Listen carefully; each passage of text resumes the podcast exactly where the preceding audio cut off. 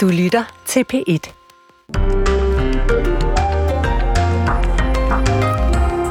Atomafskrækkelse var noget, der blev talt meget om for 40 år siden, da USA's præsident Ronald Reagan ønskede at placere flere atomvåben i Europa. What do we mean when we speak of nuclear deterrence? Basically, it's a matter of others knowing that starting a conflict would be more costly to them than anything they might hope to gain. Sovjetunionen skulle vide, at omkostningerne ved at starte en ny krig i Europa ville være alt for store, sagde han dengang. Men nu er krigen kommet til Europa, og europæiske politikere i både Frankrig og Tyskland er begyndt at tale om, at europæerne skal have sit eget atomforsvar. Men kan Europa ikke længere regne med amerikanske raketter, og kan vi klare vores eget atomforsvar selv? Det spørger vi om, når klokken bliver kvart over seks. Dengang i 1980'erne talte man om angsten for atomkrig. I dag er der en anden type angst, som breder sig, nemlig kalenderangst. Det er den stress, der kan opnå, når man propper sin kalender med aftaler, men alligevel får følelsen af ensomhed, hvis der ikke er aftaler nok. Vi taler med en ung studerende om, hvor den angst kommer fra, og hvorfor den breder sig blandt unge i dag. Det er lige efter kl. halv syv. En af USA's mest magtfulde mænd, lederen for Republikanerne i senatet, Mitch McConnell, trækker sig fra politik. Han har været en torn i øjet på demokraterne i næsten to årtier, og han har samtidig lagt sig ud med sine partifælder ved at insistere på fortsat støtte til Ukraine. Er det godt, eller er det skidt for Donald Trump, at McConnell nu siger farvel? Vi forsøger at få et svar på det 20 minutter i syv. Således godmorgen. Kalenderen viser forår og 1. marts. Vi har tre timers morgen foran os med Maria Hollinder og Søren Carlsen.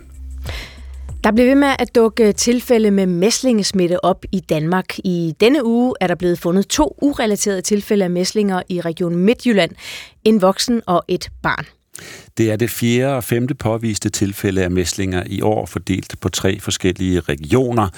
Den voksne, der er smittet, har ikke været ude at rejse, og har heller ikke været i kontakt med nogen med mæslinger, og det får Statens Serum Institut til at komme med en opsigtsvækkende melding. Mæslingen smitte er simpelthen tilbage i Danmark. Ja, Christian Morberg Weisse, godmorgen. Godmorgen. Overlæge på infektionssygdomme er du på Aarhus Universitetshospital og professor i global sundhed. Statens Serum Institut skriver mere præcist, at der er uerkendt mæslingesmitte på et lavt niveau i Danmark, som de udtrykker det. Hvad betyder det? Jamen det betyder, at lige nu der øh, ser vi en smittespredning, som, øh, som ikke er øh, øh, kontrolleret, kan man sige, fordi vi, vi har ikke øh, øh, styr på smittekæderne. Øh, og, og det er noget, vi ser, når, øh, når der er sådan en, en, en meget smitsom sygdom som, som mæslinger, øh, der, øh, der, der, der breder sig. Øh, og det, øh, og det, det er muligt, øh, fordi der er øh, en, en, en lille gruppe, øh, der ikke er øh, øh beskyttet, der ikke er immune, Øh, og øh, og så, øh, så, så kan vi altså, øh, når vi får viruset introduceret i befolkningen, så kan vi altså se, at, øh, at der, der, der sker den her spredning. Mm. Du siger, at vi har ikke styr på smittekæderne. Hvordan skal det forstås? Jamen det skal forstås sådan, at, øh, at de nye tilfælde øh, ved vi ikke, hvem er øh, smittet af. Altså de første tilfælde, vi havde, øh, i, som blev konstateret sidste uge, ja, der vidste vi, at, øh, at de var øh, smittet på en rejse i, i udlandet øh, og øh, havde smittet videre øh, lokalt.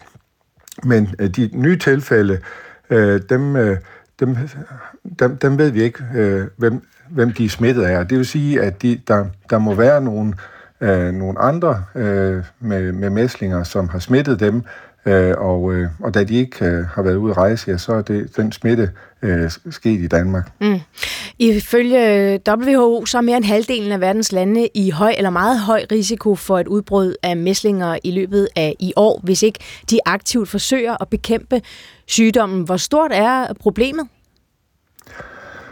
Øh, jamen, det problem er, er relativt stort øh, i, i mange lande øh, fordi der er en, en hel del lande, hvor vaccinedækningen er lav. Øh, problemet er ikke øh, ret stort i Danmark, men, men altså der, øh, der er også jo i, i Danmark en, øh, en, en risiko for, øh, for udbrud, øh, som, som det vi ser lige nu, øh, fordi der er en, øh, en, en, en gruppe, som ikke er øh, immune, og, og derfor så, øh, så, så er de øh, modtagelige. Og, og, og, og mæslingevirus er altså virkelig, virkelig smitsom. Altså, det er noget af det allermest smitsomme, vi kender. Det har et, et kontakttal øh, på 18, øh, som vil sige, at, at hvis, hvis der er en, øh, der, der smitter med mæslinger, og som møder en befolkning, øh, som, som alle sammen er modtagelige, ja, så, vil, så vil et tilfælde give anledning til 18 nye øh, tilfælde. Det, det er så heldigvis ikke tilfældet i Danmark, øh, øh, fordi der er, øh, ja, måske over 98 procent af den voksne befolkning er, er immune.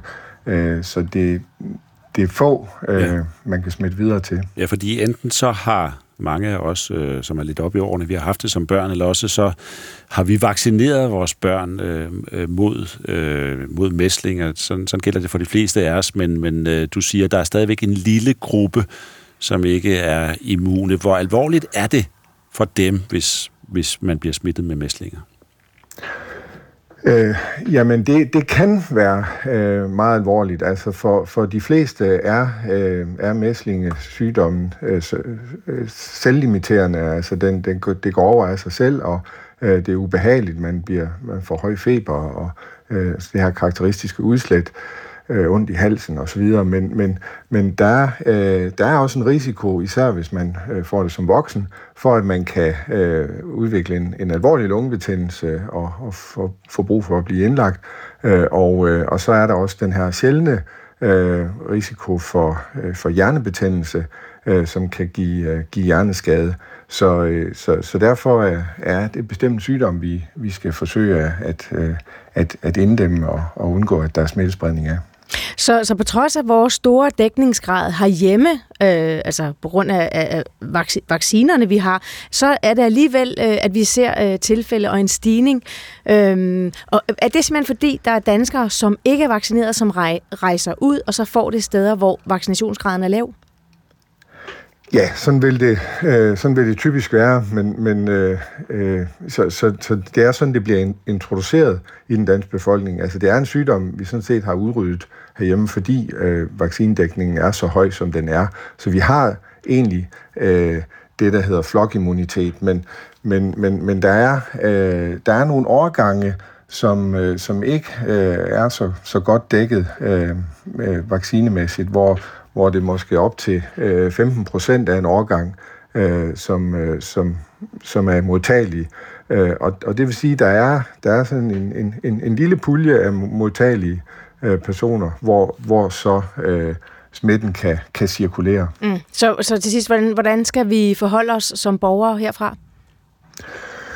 Øh, jamen altså, vi skal jo bare øh, få, få konstateret de tilfælde, der er. Altså, vi som læger skal være opmærksomme på, at, at nu er der altså øh, mæslinger igen, så, øh, så, så vi skal undersøge for det, øh, og så skal, øh, så skal vi øh, øh, isolere de, de tilfælde, der er, så der ikke sker yderligere smittespredning, øh, og så holder det øh, øh, formentlig meget hurtigt op igen. Mm. Christian Morbjerg Weisse, tak for det. Velkommen. Overlæge på infektionssygdomme Aarhus Universitetshospital og altså professor i global sundhed. 13 minutter over 6. Europæiske politikere taler i øjeblikket om, at øh, Europa skal være i stand til at forsvare sig selv i højere grad, fordi vi ikke kan, kan regne med USA, som vi har gjort øh, indtil nu. Og øh, nu er der også nye toner, der bliver slået an i forhold til Europas evne til at forsvare sig selv med atomvåben. Det kommer blandt andet fra Tyskland. Landets øh, finansminister Christian Lindner påpegede nødvendigheden af europæisk atomafskrækkelse i en kommentar i avisen Frankfurter Allgemeine Zeitung forleden. Og hvis vi lige skal forklare, så er atomafskrækkelse altså logikken om, at truslen om gensidig ødelæggelse i sidste ende vil afholde atommagter for at gå i krig mod hinanden. Ja, lidt på samme måde, som vi hørte Ronald Reagan beskrive det lige før i vores ja, intro. det klip, vi lige havde før, ja. Så øh, den tyske finansminister taler i samme toner som Frankrigs præsident Emmanuel Macron, der flere gange har sagt, at et europæisk samarbejde om atomafskrækkelse er muligt. Også øh, uden for Europas grænser ser vi tegn på, at et nyt muligt atomkapløb kan være under opsejling.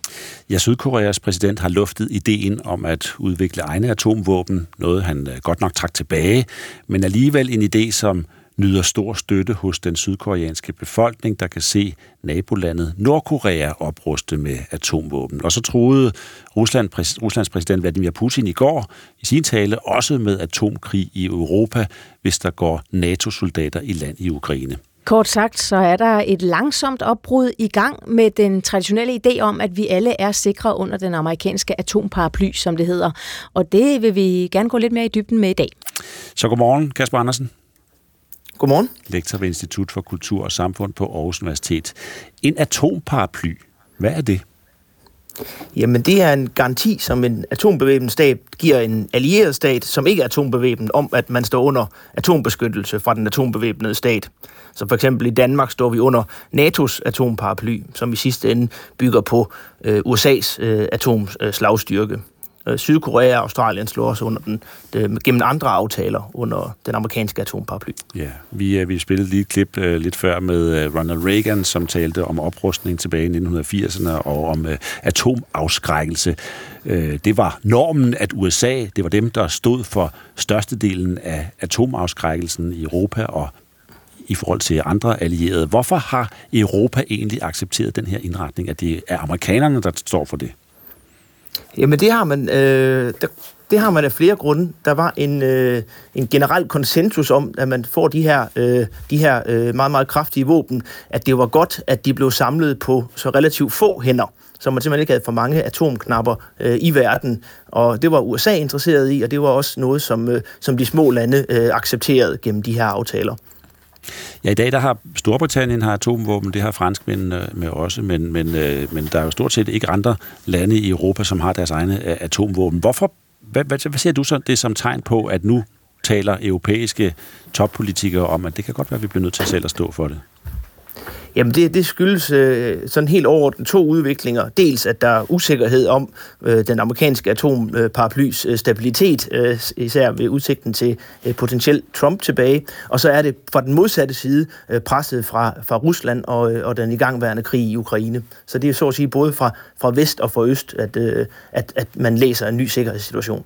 Mm, men hvor realistisk er det, at vi selv kunne opbygge sådan en, en atomparaply? Jamen, der er mange øh, ting, der taler imod det, øh, og, og det er også noget, som er, som er blevet set som, som helt ude, øh, ude i skoven indtil for ikke så lang tid siden. Dels det her med, at Europa er meget, meget splittet på hele spørgsmålet om atomafskrækkelse. Der er lande i Europa, som Irland og Østrig, som, som arbejder øh, sådan aktivt for, at man helt skal væk fra, fra atomvåben i verden, og, øh, Øh, og, og det er sådan den ene side af det. Så har man også forskellige syn på, på, på forhold til Rusland. Der er, Ungarn er et eksempel på det. Et land som Polen er først og fremmest interesseret i at opretholde en stærk relation til USA, og tanken om, at atomafskrækkelsen skulle ligge et andet sted, er, er ikke noget, man, man ser vildt på. Så der er masser af politisk splittelse. Så er der også hele spørgsmålet om, hvem der skulle kontrollere en sådan øh, euroafskrækkelse. Altså, hvem skulle egentlig have kontrollen over, over den, der, den der atomknap? Skulle det være noget, der, der roteret mellem de forskellige lande, øh, eller, eller hvordan kunne det se ud? Vi har jo ikke sådan en, en, øh, en Europa-præsident på samme måde, kan man sige, som i USA, der er ligesom, hvor man har øh, øh, den ultimative kontrol over, over, over, hvem der skal administrere den her afskrækkelse. Nej, det, og det er ret ja, vigtigt, hvem har den røde knap, kan man sige, ikke? Ja, og ja, det kan man sige, for, for at en, en afskrækkelse skal, skal være troværdig, så, så er det ret vigtigt, at det er, eller helt afgørende faktisk, at, at, at, det, er, at det er tydeligt, og det er tydeligt kommunikeret til omverdenen. Og hvor, hvor, hvor, hvor sandsynligt er det, at for eksempel øh, Macron og franskmændene ville lade deres atomvåben styre for eksempel EU? Ja, det vil i hvert fald være et, et, et, stærkt brud øh, på, øh, på, hvad traditionen har været. Grunden til, at, at, øh, at, at England og, og Frankrig selv fik deres egen atomvåben i tiden efter 2. verdenskrig, det var netop, at man så det som et, et nødvendigt del af det nationale forsvar også. Øh, altså, øh, så de franske atomvåben var, var Frankrig og skulle bruges i de franske interesser, og også var, var også en måde faktisk at få et land som Frankrig efter 2. verdenskrig at vise, at man var en, en stærk øh, øh, stormagt, så det er meget tæt bundet til, til den stormagtsstatus, at man selv har kon- kontrol over, over sin, øh, sin, øh, sin atomafskrækkelse.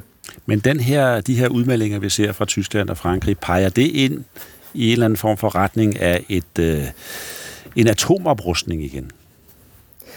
Ja, altså det er jo, en, øh, det, er jo det, som der er i, i øjeblikket ser ud som om, at der er, der er gang i en, øh, i en øh, i atomrustning forskellige steder i verden. Øhm, og den diskussion er, er blevet åbnet igen øh, på, på måder, som, øh, som den ikke var for få år siden.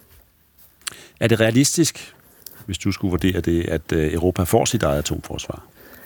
Altså, der er de her meget øh, stærke øh, grunde, der taler imod øh, det her. Det er også det her med, at det ikke vil, øh, det vil ikke øh, mindske behovet for konventionel oprustning i forhold til at mødegå truslen fra Rusland. Men det, det, det, vil ikke, øh, det vil ikke så at sige øh, øh, afhjælpe øh, det behov heller, at man havde brug for det. Så der er sådan nogle stærke grunde, der taler, der taler imod, at det, at det skulle, øh, at det skulle, at man skulle gå den retning. Mm. Men nu er, så både kan man politisk sige, og militær. Nu kan man sige, nu er øh, katten ud af sækken. De har begyndt at tale om det. Kasper Andersen, tak for at, øh, at prøve at, at, at, at redde det ud for os her til morgen. Velbekomme. Lektor ved Institut for Kultur og Samfund på Aarhus Universitet. Nu er klokken knap og nap 21.06. Du bladrer i avisen. Jeg bladrer løs, og det er Berlingske har fat i, hvis vi lige skal have et overblik over nogle af dagens øh, aviser. Der er, vil jeg gætte på, mange skilsmisseforældre, som gennem tiden og nu spørger sig selv, at det er den, den rigtige deleordning, vi har valgt for vores børn. Og nu er der en øh, psykolog og lektor i neurovidenskab, skriver Berlingske Christian Sandberg, som har samlet forskning på skilsmisseområdet i et overblik, som viser, at en deleordning er bedre end andre. En mm. ordning, hvor børnene opnår højere trivsel end andre skilsmissebørn. Hvad er det for en ordning? Og det er den, der hedder 7-7-deleordningen. Altså, hvor børnene er en uge på skift, hver hos øh, hver enkelt forældre. Ikke? Ja. Altså ikke fire 4, 10, 10 eller hvad eller, den hedder. Ja, ja 3, øh, hvad det ellers. Det skal gå op i 14 ja, jo, ikke? Ja. ja. Altså nej, simpelthen den, hvor man deler lige over. Og øh, Sandberg her, han konkluderer, at øh, børn, der vokser op i den slags øh, lige deleordninger, de klarer sig bedre end de børn, der vokser op i skæve deleordninger mellem deres forældre. Og øh, det han siger, det har noget med styrken af familierelationer i forhold til øh, at gøre, altså at øh, det simpelthen kan være med til at øh, mindske deres risikoadfærd som alkohol- og stofforbrug og kognitiv udvikling og fysisk helbred bliver, bliver bedre, siger han. Men som du nok kan regne ud, så øh, den her, det her synspunkt står ikke alene. Nej. Der er kritikere, og en af dem, der har indvendinger mod det her, det er Sara Alminde, som er postdoc ved Institut for Samfundsvidenskab og Erhverv på Roskilde Universitet. Hun mener ikke, at børns trivsel er så simpelt, at det kan sættes på en formel, at man kan sige, at den her model er smadret god alene.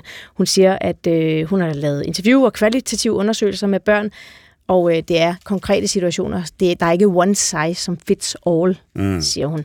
Og øh, så, så nu diskuterer de to altså, om der er behov for sådan en standardanbefaling om en 7-7-ordning, eller ej, det er de uenige om. Okay, øh, det var Berlingske. Vi bliver lidt i øh, det med familier. Øh, Jyllandsposten har talt med Lasse Christensen, som bor i... Øh, Esbjerg, han fik i sin indbakke i Aula en besked fra Esbjerg Kommune om, at øh, nu øh, sætter de åbningstid ned i daginstitutionerne, fra 52 til 50 timer ugenligt. Han har to børn, et barn i vuggestue og et mm. barn i børnehave, og det betyder, at han skal hente sine børn senest klokken kvart over tre om fredagen eller klokken halv fem øh, de øvrige hverdage. Det kan få konsekvenser for ham og hans kone. De ja, det er et problem, hvis man arbejder. Det er et problem, ikke? Og han siger, at øh, hvis, hans, øh, hvis hans kone skal gå ned i tid, så er det jo stik imod de signaler, som i øvrigt bliver sendt fra politikerne om, at vi skal øh, arbejde mere.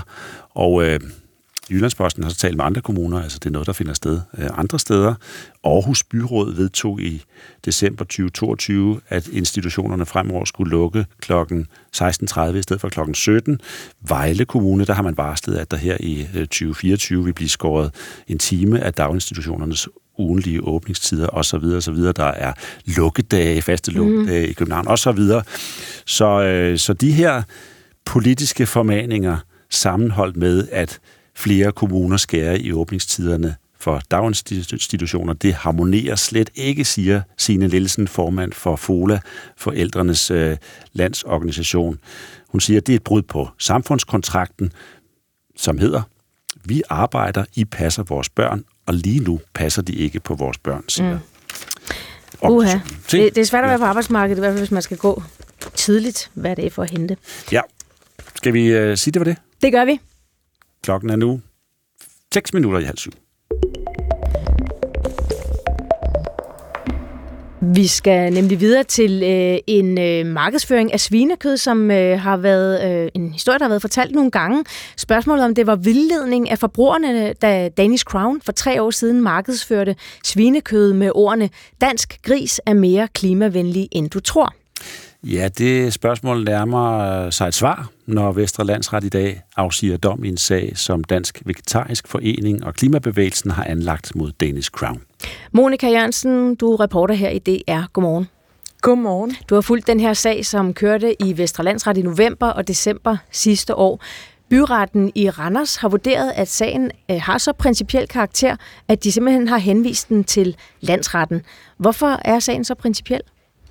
Ja, man kan sige, at på trods af, at vi jo har en lovgivning, der sådan helt entydigt slår fast, at virksomheder ikke må vildlede i deres markedsføring, jamen så er det altså både sådan, at øh, repræsentanter fra erhvervslivet og juridiske eksperter, de giver udtryk for, at afgørelsen i lige præcis denne her sag, den vil blive en slags, hvad kan man sige, vejviser for, hvor langt danske virksomheder de kan gå, når de gerne vil markedsføre deres grønne budskaber.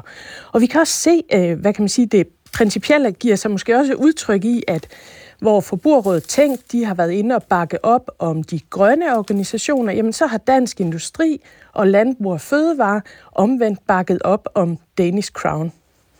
Og, og sagen kørte over en række dage i landsretten. Hvad, hvad lagde du særligt mærke til undervejs i sagen? Altså det, der var meget slående for mig, var, at Danish Crown havde indkaldt en lang række vidner, altså topfolk fra koncernen. Der var nogle forskere og nogle samarbejdspartnere, som jo alle sammen, øh, ud fra Danish Crowns perspektiv, gerne skulle være med til at underbygge den dokumentation, som de mener, de har for at kunne gå ud og sige, at deres svinekød er mere klimavenligt, end vi går og tror.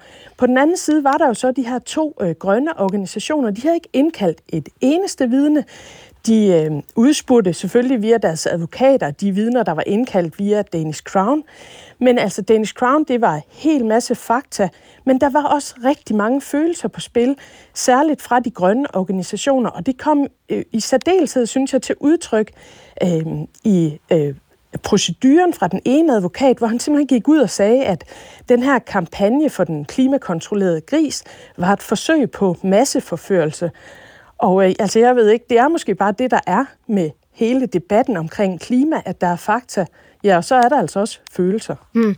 Så, så skal man forstå det sådan, at, øh, at, at øh, de organisationer, som altså har anlagt sag mod Danish Crown, de har sådan set primært løftet deres øh, bevisbyrde med følelsesargumentet?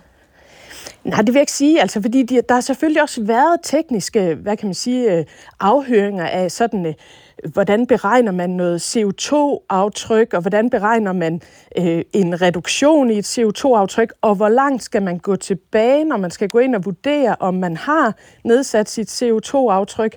Øhm, så, så selvfølgelig har der også været, øh, hvad kan man sige, sådan øh, mere teknisk øh, dokumentation og, og bevisførelse og diskussion i retten. Men det var alligevel bare sådan øh, øh, øh meget tydeligt for mig, synes jeg, at at øh, organisationerne, at der er bare mange følelser på spil, fordi for dem, der er klimaet det vigtigste, og i deres udgangspunkt, så mener de ikke, at animalsk fødevareproduktion på nogen måde kan være klimavenlig. Så hvad er der på spil for Danish Crown, for eksempel, hvis nu de går hen og bliver dømt skyldige i sagen? Altså, de grønne organisationer, de har anlagt en sag, hvor de jo selvfølgelig, øh, eller ikke selvfølgelig, men hvor de øh, til dels gerne vil have, at øh, Danish Crowns øh, kampagne, den ligesom skal have markedet, kunne vi sige, greenwashing, altså at det var vildledning af forbrugerne. Og så ønsker de, at, øh, at øh, Danish Crown, hvis de ligesom får medhold i alle deres påstande, så vil de gerne have, at Danish Crown skal indrykke en kampagne, som modsvarer den oprindelige kampagne for den klimakontrollerede gris, så vil de altså have, at de skal gå ud og, og hvad kan man sige, offentligt anerkende, at dansk svinekød fra Danish Crown er ikke mere klimavenligt, end du tror. Og den kampagne ønsker sagsøgerne, altså de grønne organisationer, skal være i lige så stort omfang som den oprindelige kampagne. Og det, der er værd at bemærke her, er jo, at da den kampagne kom på gaden i 2020, jamen der sagde Danish Crown selv, at det var den største reklamekampagne, de nogensinde havde haft. Mm. Så er dansk gris mere klimavenlig, end du tror? Det øh, spørgsmål får vi svar på senere i dag. Tak fordi du var med, reporter Monika Jørgensen. Velbekomme. Og det er altså i dag kl. 10, at Vesterlandsret kommer med afgørelsen på skrift til parterne. Dagens øh, nyhedsoverblik kommer mere præcist, end du tror, med Mette Simonsen. Klokken er næsten præcis halv syv. Alle, alles lægehusklinikker i Region Nordjylland har til synlædende vejledt sit personale i at have fokus på ekstra ydelser, når de har tilset patienter. Det er programmet Kontant har af en tidligere ansat fået et dokument, som vejleder i, hvordan det blandt andet kan gøres. Og kilden er anonym, fordi hun er bekymret for følgerne af at stå frem. Vi skulle hele tiden sørge for at få nogle tillægsydelser på. Vi skulle være opfindsomme. Bestyrelsesformand i Alles Lægehus Thomas Halt skriver til DR, at vejledningen indeholder uhensigtsmæssige formuleringer og er blevet ændret flere gange siden. Region Nordjylland har på baggrund af kontantsafsløringer bedt Alles Lægehus om at få gældende vejledninger. Hvornår er man død nok til, at læger kan udtage organer til andre patienter? Siden 1990 har en læge skulle erklære en organdonor hjernedød, før organer kunne udtages. Men nu kan det ske kort efter, at åndedræt og hjertebanken ophører, det der kaldes cirkulatorisk død. Og det kan give mellem 20 og 40 procent flere donorer årligt, håber Rune Damgaard Nielsen. Han er ansvarlig for organdonation efter cirkulatorisk død på Rigshospitalet. Desværre dør der over eneste år stadigvæk folk på venteliste til et organ, så vi håber, at dette vil være en af de muligheder, hvormed vi kan få ventelisterne ned. Israelske styrker stod ikke bag nedskydningen af civile palæstinenser, da over 100 personer torsdag blev dræbt ved Gaza by, da de stemlede sammen om en konvoj på 38 lastbiler, der kom med nødhjælp. Det oplyser det israelske militær. Og den udlægning står i kontrast til meldinger fra de palæstinensiske myndigheder. Uanset hvad der er rigtigt, så er det tankevækkende, at Israel fem måneder inden i krigen i Gaza ikke formår at få tilstrækkelig nødhjælp ind til de civile, siger Kristi Dagblads korrespondent Allan Sørensen. Og når man så bringer nødhjælp ind, ja, så dør der mere end 100 og, og bliver såret øh, 700. Mest tørt vejr i dag mod vest, men solen kan kigge frem i øst, men der kan både være dis og tåge nogle steder. Temperatur mellem 5 og 10 grader. Vinden blæser svagt til jævn fra syd og sydøst, og det blæser noget mere nær kysterne her til formiddag med frisk til hård vind. Maria Holland og Søren Carlsen. Ja, og øh, vi er her, og det er du også, Sarina Gren Lorentzen. Godmorgen og velkommen. Godmorgen. Du er studerende, øh, og du havde forleden en kronik i øh, Politiken, med overskriften Jeg lider af kalenderangst. Hvad er det for noget? Jamen altså, lad os starte med kalenderangst. Altså det kan jo føles på mange forskellige måder, men øh, det kan være den, man kan gå med sådan en følelse af, at man føler, at man, hvis man ikke har nogen aftaler i kalenderen, så skal man, altså, så stresser man over, at man ikke har nogen aftaler. Men hvis du har en masse aftaler, så stresser du over aftalerne, og du kan nemlig sådan, det er drænen, der er helt. Og jeg, altså, jeg plejede at være sådan en person, der planlagde ned til sådan mindste detalje, og jeg fløj rundt, og jo flere aftaler jeg havde, jo mere altså, fart over feltet, og ensomhed føltes ligesom ikke som en ting. Det var bare, altså bare prop på og prop på, men lige pludselig så kom jeg også bare til sådan et punkt, at jeg bare ikke fandt nogen glæde ved de sociale aktiviteter, sådan, jeg lavede og skulle til. Så jeg endte jo bare med at øh, blive sådan en to-do-liste, hvor tingene bare skulle hakkes af, og øhm, og det gjorde bare, at jeg sådan ikke ja. kunne klare at være i det længere. Hvordan opdagede du, mm. at det var kalenderangst, nu er det det, du mm. kalder det, at det var det, du led af? Jamen altså, det er den følelse af, at kalenderen bliver sådan klaustrofobisk, altså det er som om kalenderen overtager dit liv. Det... Var der en konkret situation, hvor det gik op for dig?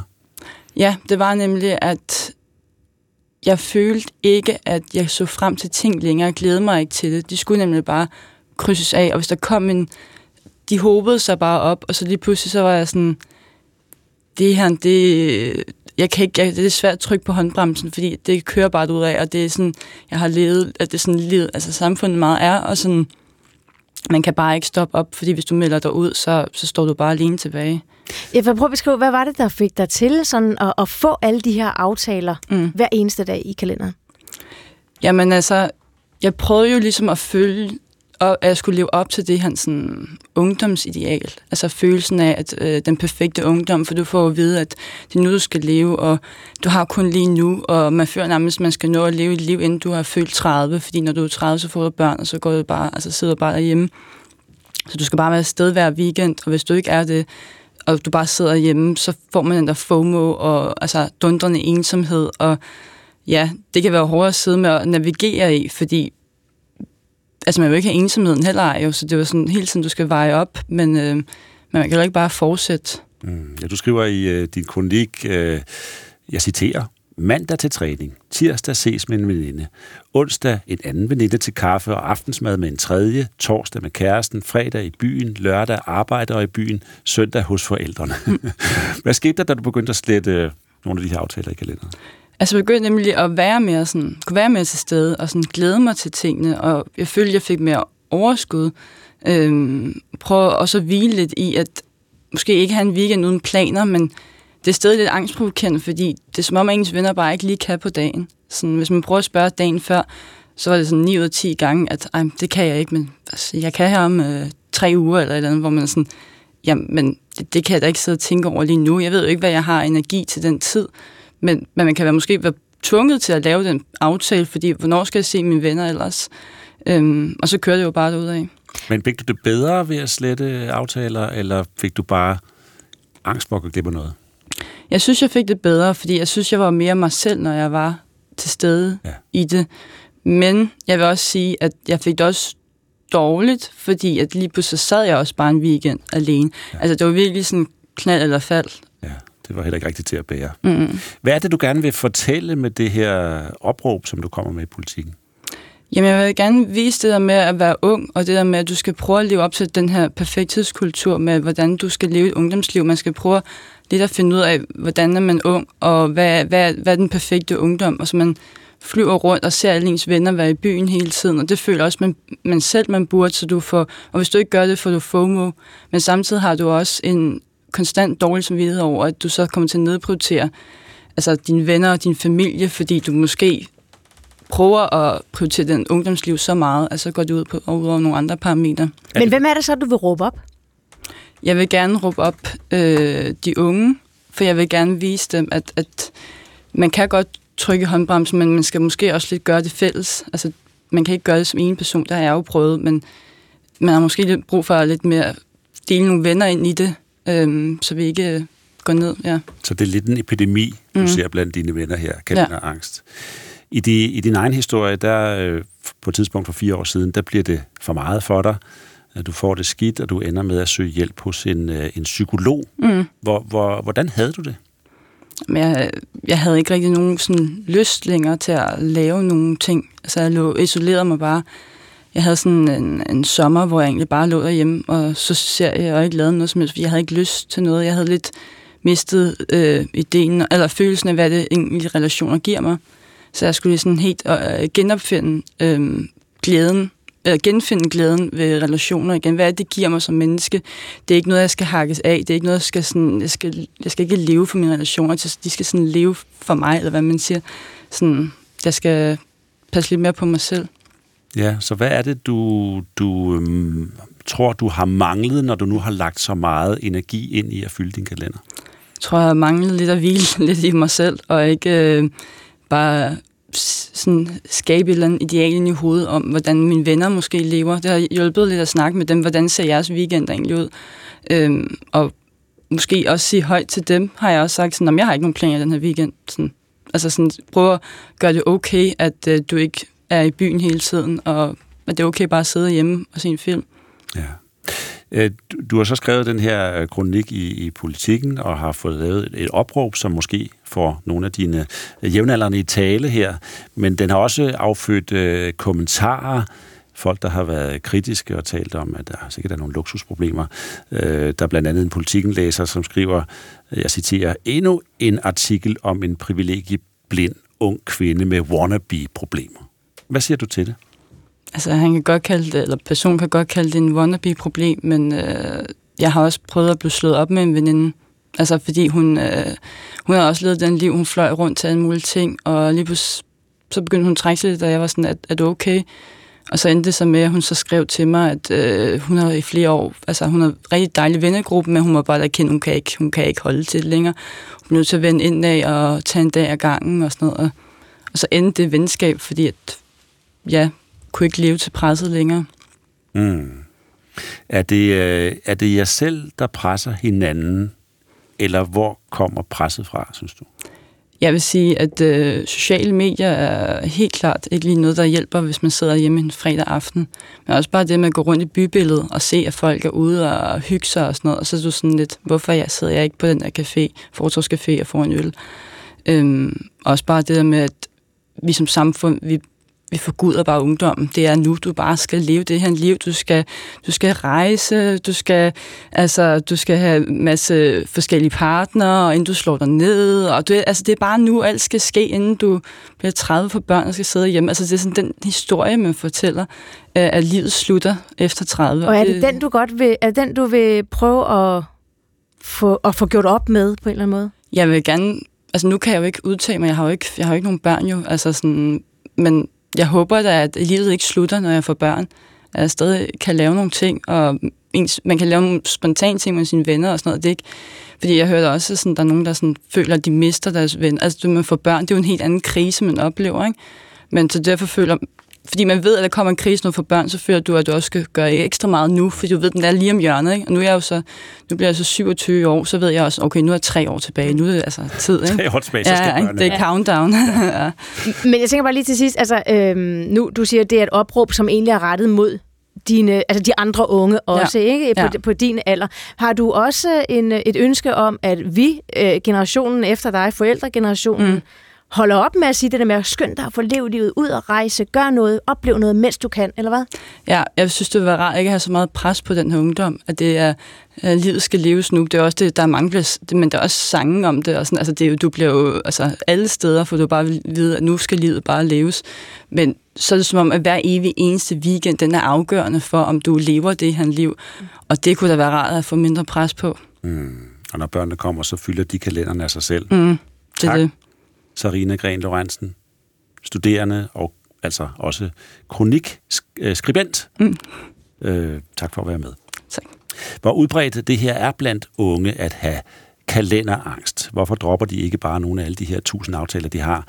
Det taler vi med øh, en ekspert, kan vi godt sige, en lektor i ungdomsforskning øh, med om øh, klokken cirka 20 minutter over syv. Nu er den 18 minutter i syv. Ja, yeah. Og vi har, mens øh, Sarina har stået og fortalt her, har vi også øh, fået besøg af dig, Mads Dahlgaard Madsen. Velkommen til. Mange tak skal du have. Og du har stået og nikket, som om du faktisk genkender noget af det, som Sarina Jeg har jo lige krydset 30 års grænsen, så ja. jeg er virkelig, nu jeg står jeg jo midt i den krise, så ja. det, er, det er hårdt at få at vide. Men øh, du er her faktisk for at tale om noget andet, nemlig ja. amerikansk politik, og du, vi skal tale om den øh, en af de mest magtfulde personer i amerikansk politik. En, som en mand, i, som bestemt ikke er helt ung længere. Ja, det er han i hvert fald ikke. Og øh, i 17 år har han styret den republikanske, republikanske gruppe i det amerikanske senat med hård hånd. Nu er det snart slut. Vi taler om republikanernes mindretalsleder i senatet. 82 år er han. Mitch McConnell han har meddelt, at han træder altså nu tilbage fra sin post til november. One of life's most underappreciated talents is to know when it's time to move on to life's next chapter. So I stand before you today, Mr. President, and my colleagues to say this will be my last term as Republican leader of the Senate. Ja, man skal vide, hvornår man rykker videre i livet, siger han, så nu siger han, at det er hans sidste periode som republikansk leder i senatet. Ja, og lad os lige få dig præsenteret ordentligt, Mads Dahlgaard Madsen, altså tidligere indrigspolitisk rådgiver øh, for den danske ambassade i Washington, og nu rådgiver hos virksomheden Therma. Altså Mitch McConnell er den længst siddende leder for et parti i senatets historie. Prøv at forklare, hvad er det for en persona, skikkelse, der forlader centrum af amerikansk politik nu? Ja, men det her, det er en æra, der stopper. Mitch McConnell, han har været en politisk institution. Han har været en af de der øh, planeter, man har regnet med, fordi den her, de planeter har været så store, at de har, de har påvirket selve tyngdekraften i amerikansk indrigspolitik. Han, at, han har været den længst siddende leder i senatets historie, og det siger bare lidt, især fordi, at det er for et, det republikanske parti. Øh, I en af de regler, man har i Washington D.C., det er, at Democrats have to fall in love. De er nødt til at forelske sig i deres ledere. Men republikanere, republicans, have to fall in line. De er nødt til at tvinges på linje over for deres ledere. Og der har Mitch McConnell ingen har været bedre til at tvinge sin partigruppe i geled og få leveret politiske mm. resultater for republikanerne. Det skal jeg lige love for, fordi hans kælenavn i, i kongressen, det er The Grim Reaper, altså manden med len Det er voldsomt. Hvordan har han fået det tilnavn? Det var demokraterne, der i, i øh, Obamas anden periode begyndte at blive så frustreret over Mitch McConnell, som var senatsleder på det tidspunkt. Hans måde at bruge senatets regler til fuldstændig at obstruere præsidentens politiske øh, dagsorden, så Obama faktisk næsten ikke fik gennemført noget politik. Og der var det demokraterne, som begyndte at kalde ham The Grim Reaper of Legislation. Mm. Altså manden, der slår alt, alt politik ihjel. Og det tog han på sig som et adelsmærke. Prøv at komme med et eksempel. Altså, han, tog, han, han sagde simpelthen offentligt, at jamen, jeg, jeg er The Grim Reaper. Jeg vil stå på republikanske principper, øh, og derfor blok, blokerer jeg alt øh, øh, demokratisk lovgivning. Og det lykkedes han, han virkelig godt med, men han gjorde det også internt i det republikanske parti, det her med at styre partigruppen. Et rigtig godt eksempel på det, det er for øh, nogle års, års tid siden, hvor der var to republikanske senatorer, Mike Lee og øh, en, der hedder Ted Cruz, som begyndte at lave et oprør imod ham. De tænkte, nu er det på tide at dolke Mitch McConnell i ryggen, og det vil de gøre på senatsgulvet ved nogle afstemninger, der vil udspille dem. Så gik der øh, nogle måneder med, at de lagde den her plan, og så 14 dage før det her oprør skulle udspille sig, lige pludselig så blev de indkaldt til et møde, og så der kom de to ind, og så rundt på et langt bord sad alle republikanske senatorer, og på hver deres tallerkener var der et udprintet mail, som var et læk fra Mike Lees kontor, der lagde hele den her plan ud tilbage for måneder siden. Mm. Altså, Mitch McConnell havde fået fat i det her læk. Han havde fuldstændig klar over den der øh, plan, som de havde, og den lå simpelthen foran hver senator, og de to måtte simpelthen undskylde offentligt. Det her, det er sådan noget, der får House of Cards til at ligne, altså noget af løgn. Altså, øh, han, der, jeg snakkede med en i går, der sagde, at Mitch McConnell, jamen, Jamen, han får faktisk øh, Frank Underwood til at ligne sådan Dr. Pjuskebusk. så hård person, han. siger ja. netop. Øh, ja. ja. Hvad, hvad hedder det? Øh, der er jo mange ting, der er sket i amerikansk politik øh, siden øh, Mitch McConnell han blev leder for republikanerne for, for, for, for 17 år siden. Hvordan er hans forhold til Donald Trump og uh, Donald Trumps uh, MAGA, Make America Great Again bevægelse? Det startede ekstremt godt øh, med, øh, øh, Mitch McConnell identificerede ret hurtigt den styrke, den øh, popularitet, som Donald Trump han havde fundet. Og i meget lang tid, især i Donald Trumps første periode, første sådan år, men gennem hele første perioden, brugte Mitch McConnell sådan set i virkeligheden øh, Donald Trump til at lykkes med det, som der er Mitch McConnells største mål her i livet, og det er at påvirke de republikanske domstole. Og kronjuvelen i Mitch McConnells værk, i hans politiske eftermæle, det er den måde, han har fået Donald Trump til at gør den, den udnævne dommer til den, til den føderale højesteret, så han har påvirket højesteretten til en konservativ retning i en generation. Det var Mitch McConnell, han havde, de var ret gode venner, de havde et samarbejdsfællesskab på det tidspunkt, hvor McConnell, han puttede den politiske strategi ind i Donald Trump. Men den historie gik så, den overkorrigerede, fordi lige pludselig så blev fortællingen netop, at Donald Trump var en marionetdukke for øh, Mitch McConnell, og lige der, der kom skiftet. Der begyndte øh, Donald Trump og makkerbevægelsen at slå på Mitch McConnell, og da Mitch McConnell så gik ud efter 6. januar og erklærede sin modstand til Donald Trump, sagde, at det her det var virkelig, virkelig angreb politiske institutioner, mm. så skiftede det fuldstændig. Og nu står de i total direkte opposition til hinanden, øh, hvor McConnell repræsenterer det gamle, sædvanlige Reagan-republikanske parti, mens øh, Trump mm. han står modsat med det her populistiske ja. makkerparti. Og det, det stormløbet på kongressen. Stormløbet på kongressen 6. januar, ja, lige præcis. Og når vi, når vi lige er der med hans forhold til Donald Trump, er det så godt nyt for Donald Trump, at han stopper som leder i senatet, eller er det skidt? Det er godt nyt for Donald Trump. Mitch McConnell er den person. Han er det boldværk, der har sikret sig, at trumpismen, øh, populi, den populistiske bølge i det republikanske parti, ikke har rejst fra repræsentanternes hus, hvor det virkelig dominerer, og over i senatet. Det er simpelthen McConnell. Han har været så magtfuld, at han er en af de få, der har kunnet modstå Donald Trumps popularitet. Og nu falder det boldværk. Så nu må vi se, hvordan senatet bliver det ligesom repræsentanternes hus, og det ultimative overtagelse, øh, eller bliver Donald Trumps ultimative overtagelse af det republikanske parti en realitet, nu hvor McConnell ikke længere er en magtfaktor i partiet. Og der er jo jo nogle nye i spil. Tre favoritter til at overtage posten. De hedder alle sammen, for en nemheds skyld, John. Yes. Hvad, hvad er det for nogle typer, vi har med at gøre her? Uh, John Barrasso, John Cornyn og John Thune. Det er en, de, her, de er tre, de er, har været McConnells løjtnanter i årtier nærmest nu, og vi har jo alle sammen vidst, at det er de tre, der har positioneret sig over for hinanden for at blive aftageren til McConnell, men man har altid tænkt, at McConnell var der for evig tid, så man kan jo se, hvornår. Altså, de er jo heller ikke nogen har længere. Hvem af men, dem er vil Trump helst have, tror du? Så hvis vi tager uh, de tre John, så har vi Barrasso helt ude, som er den, på den yderste højrefløj. Han er sådan den mest uh, Trump-tro af, af de tre. Så har vi i midten, der har vi John Cornyn fra Texas. Han er sådan en blanding imellem, han er broen imellem Trumpismen og, og det etablerede parti, og så har vi Cornyn, som er nok den tætteste på den traditionelle øh, Mitch McConnell-agtige republikaner.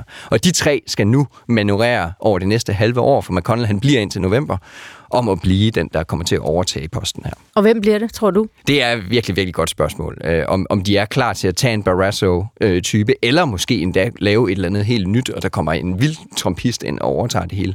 Men, men Barrasso har simpelthen nogle kort at spille, fordi han har den her stærke Trump-fløj øh, i, sin, øh, i sin fold.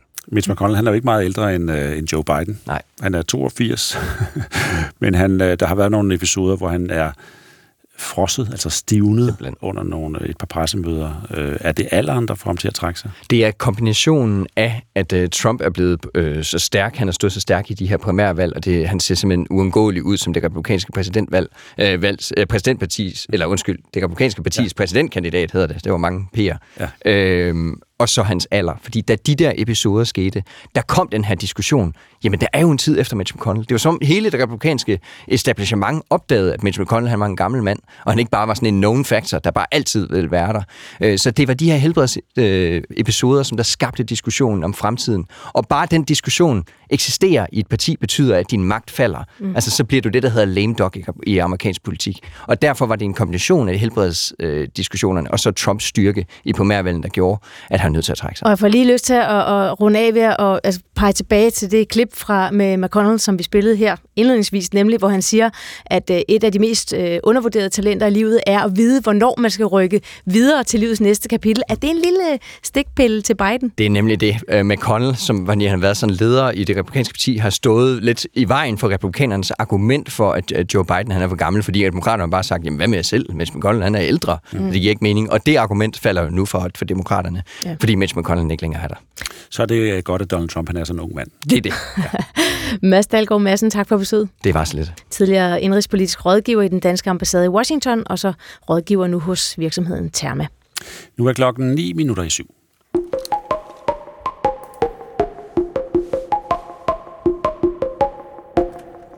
Flere end 100 palæstinensere er meldt dræbt og 280 sårede efter at de i går stod og ventede på at få udleveret nødhjælp i Gaza by. Ifølge de Hamas-kontrollerede sundhedsmyndigheder har israelske styrker beskudt menneskemængden, men israels, israelsk øh, militær siger i en erklæring, at dusinvis blev såret og dræbt, da de blev skubbet, trampet på eller kørt over af nødhjælpslastbiler ved uddelingen af nødhjælp. Flere af de sårede blev bragt til Al-Shifa-hospitalet ved Gaza by. En af dem var Kamo, Kamel Abu Nahel. رحنا بدنا ناخذ المساعدات بعد الطخ تبعهم طبعا المهم رحنا لسه بمسك كيس الطحين efter at de, og her mener han det israelske militær, holdt op med at skyde, gik vi tilbage for at få vores nødhjælp. Da tog vi imod noget mel og noget konserves fra lastbilen, og så skød de på os. De skød mig, og lastbilchaufføren kørte over mit ben. Jeg har mistet mine nerver. Hvis man ønsker at give os hjælp på denne måde, så kan man lige så godt undlade det, lyder det her altså fra Kamel Abu Nahel, som blev interviewet på Al-Shifa Hospitalet i Gaza i går. Det israelske militær vil nu undersøge hændelsen, og den israelske regeringstalsmand Avi Hayman har ifølge CNN udtalt, at, og jeg citerer, naturligvis er det en tragedie, men vi er ikke sikre på detaljerne endnu. DR har ikke haft mulighed for at bekræfte ovenstående oplysninger fra anden side, skal vi øh, huske at sige. Bjarke Skåning, godmorgen. Godmorgen.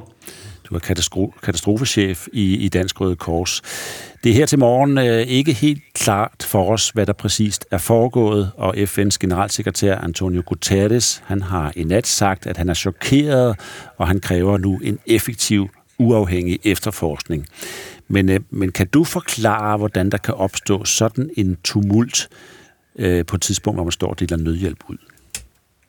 Jamen, jeg tror, det man skal gøre sig klart, er jo den desperation, som folk er i Gaza, at, øh, at de er sultne, og de forsøger på bedst mulig måde at få, få fat i noget mad.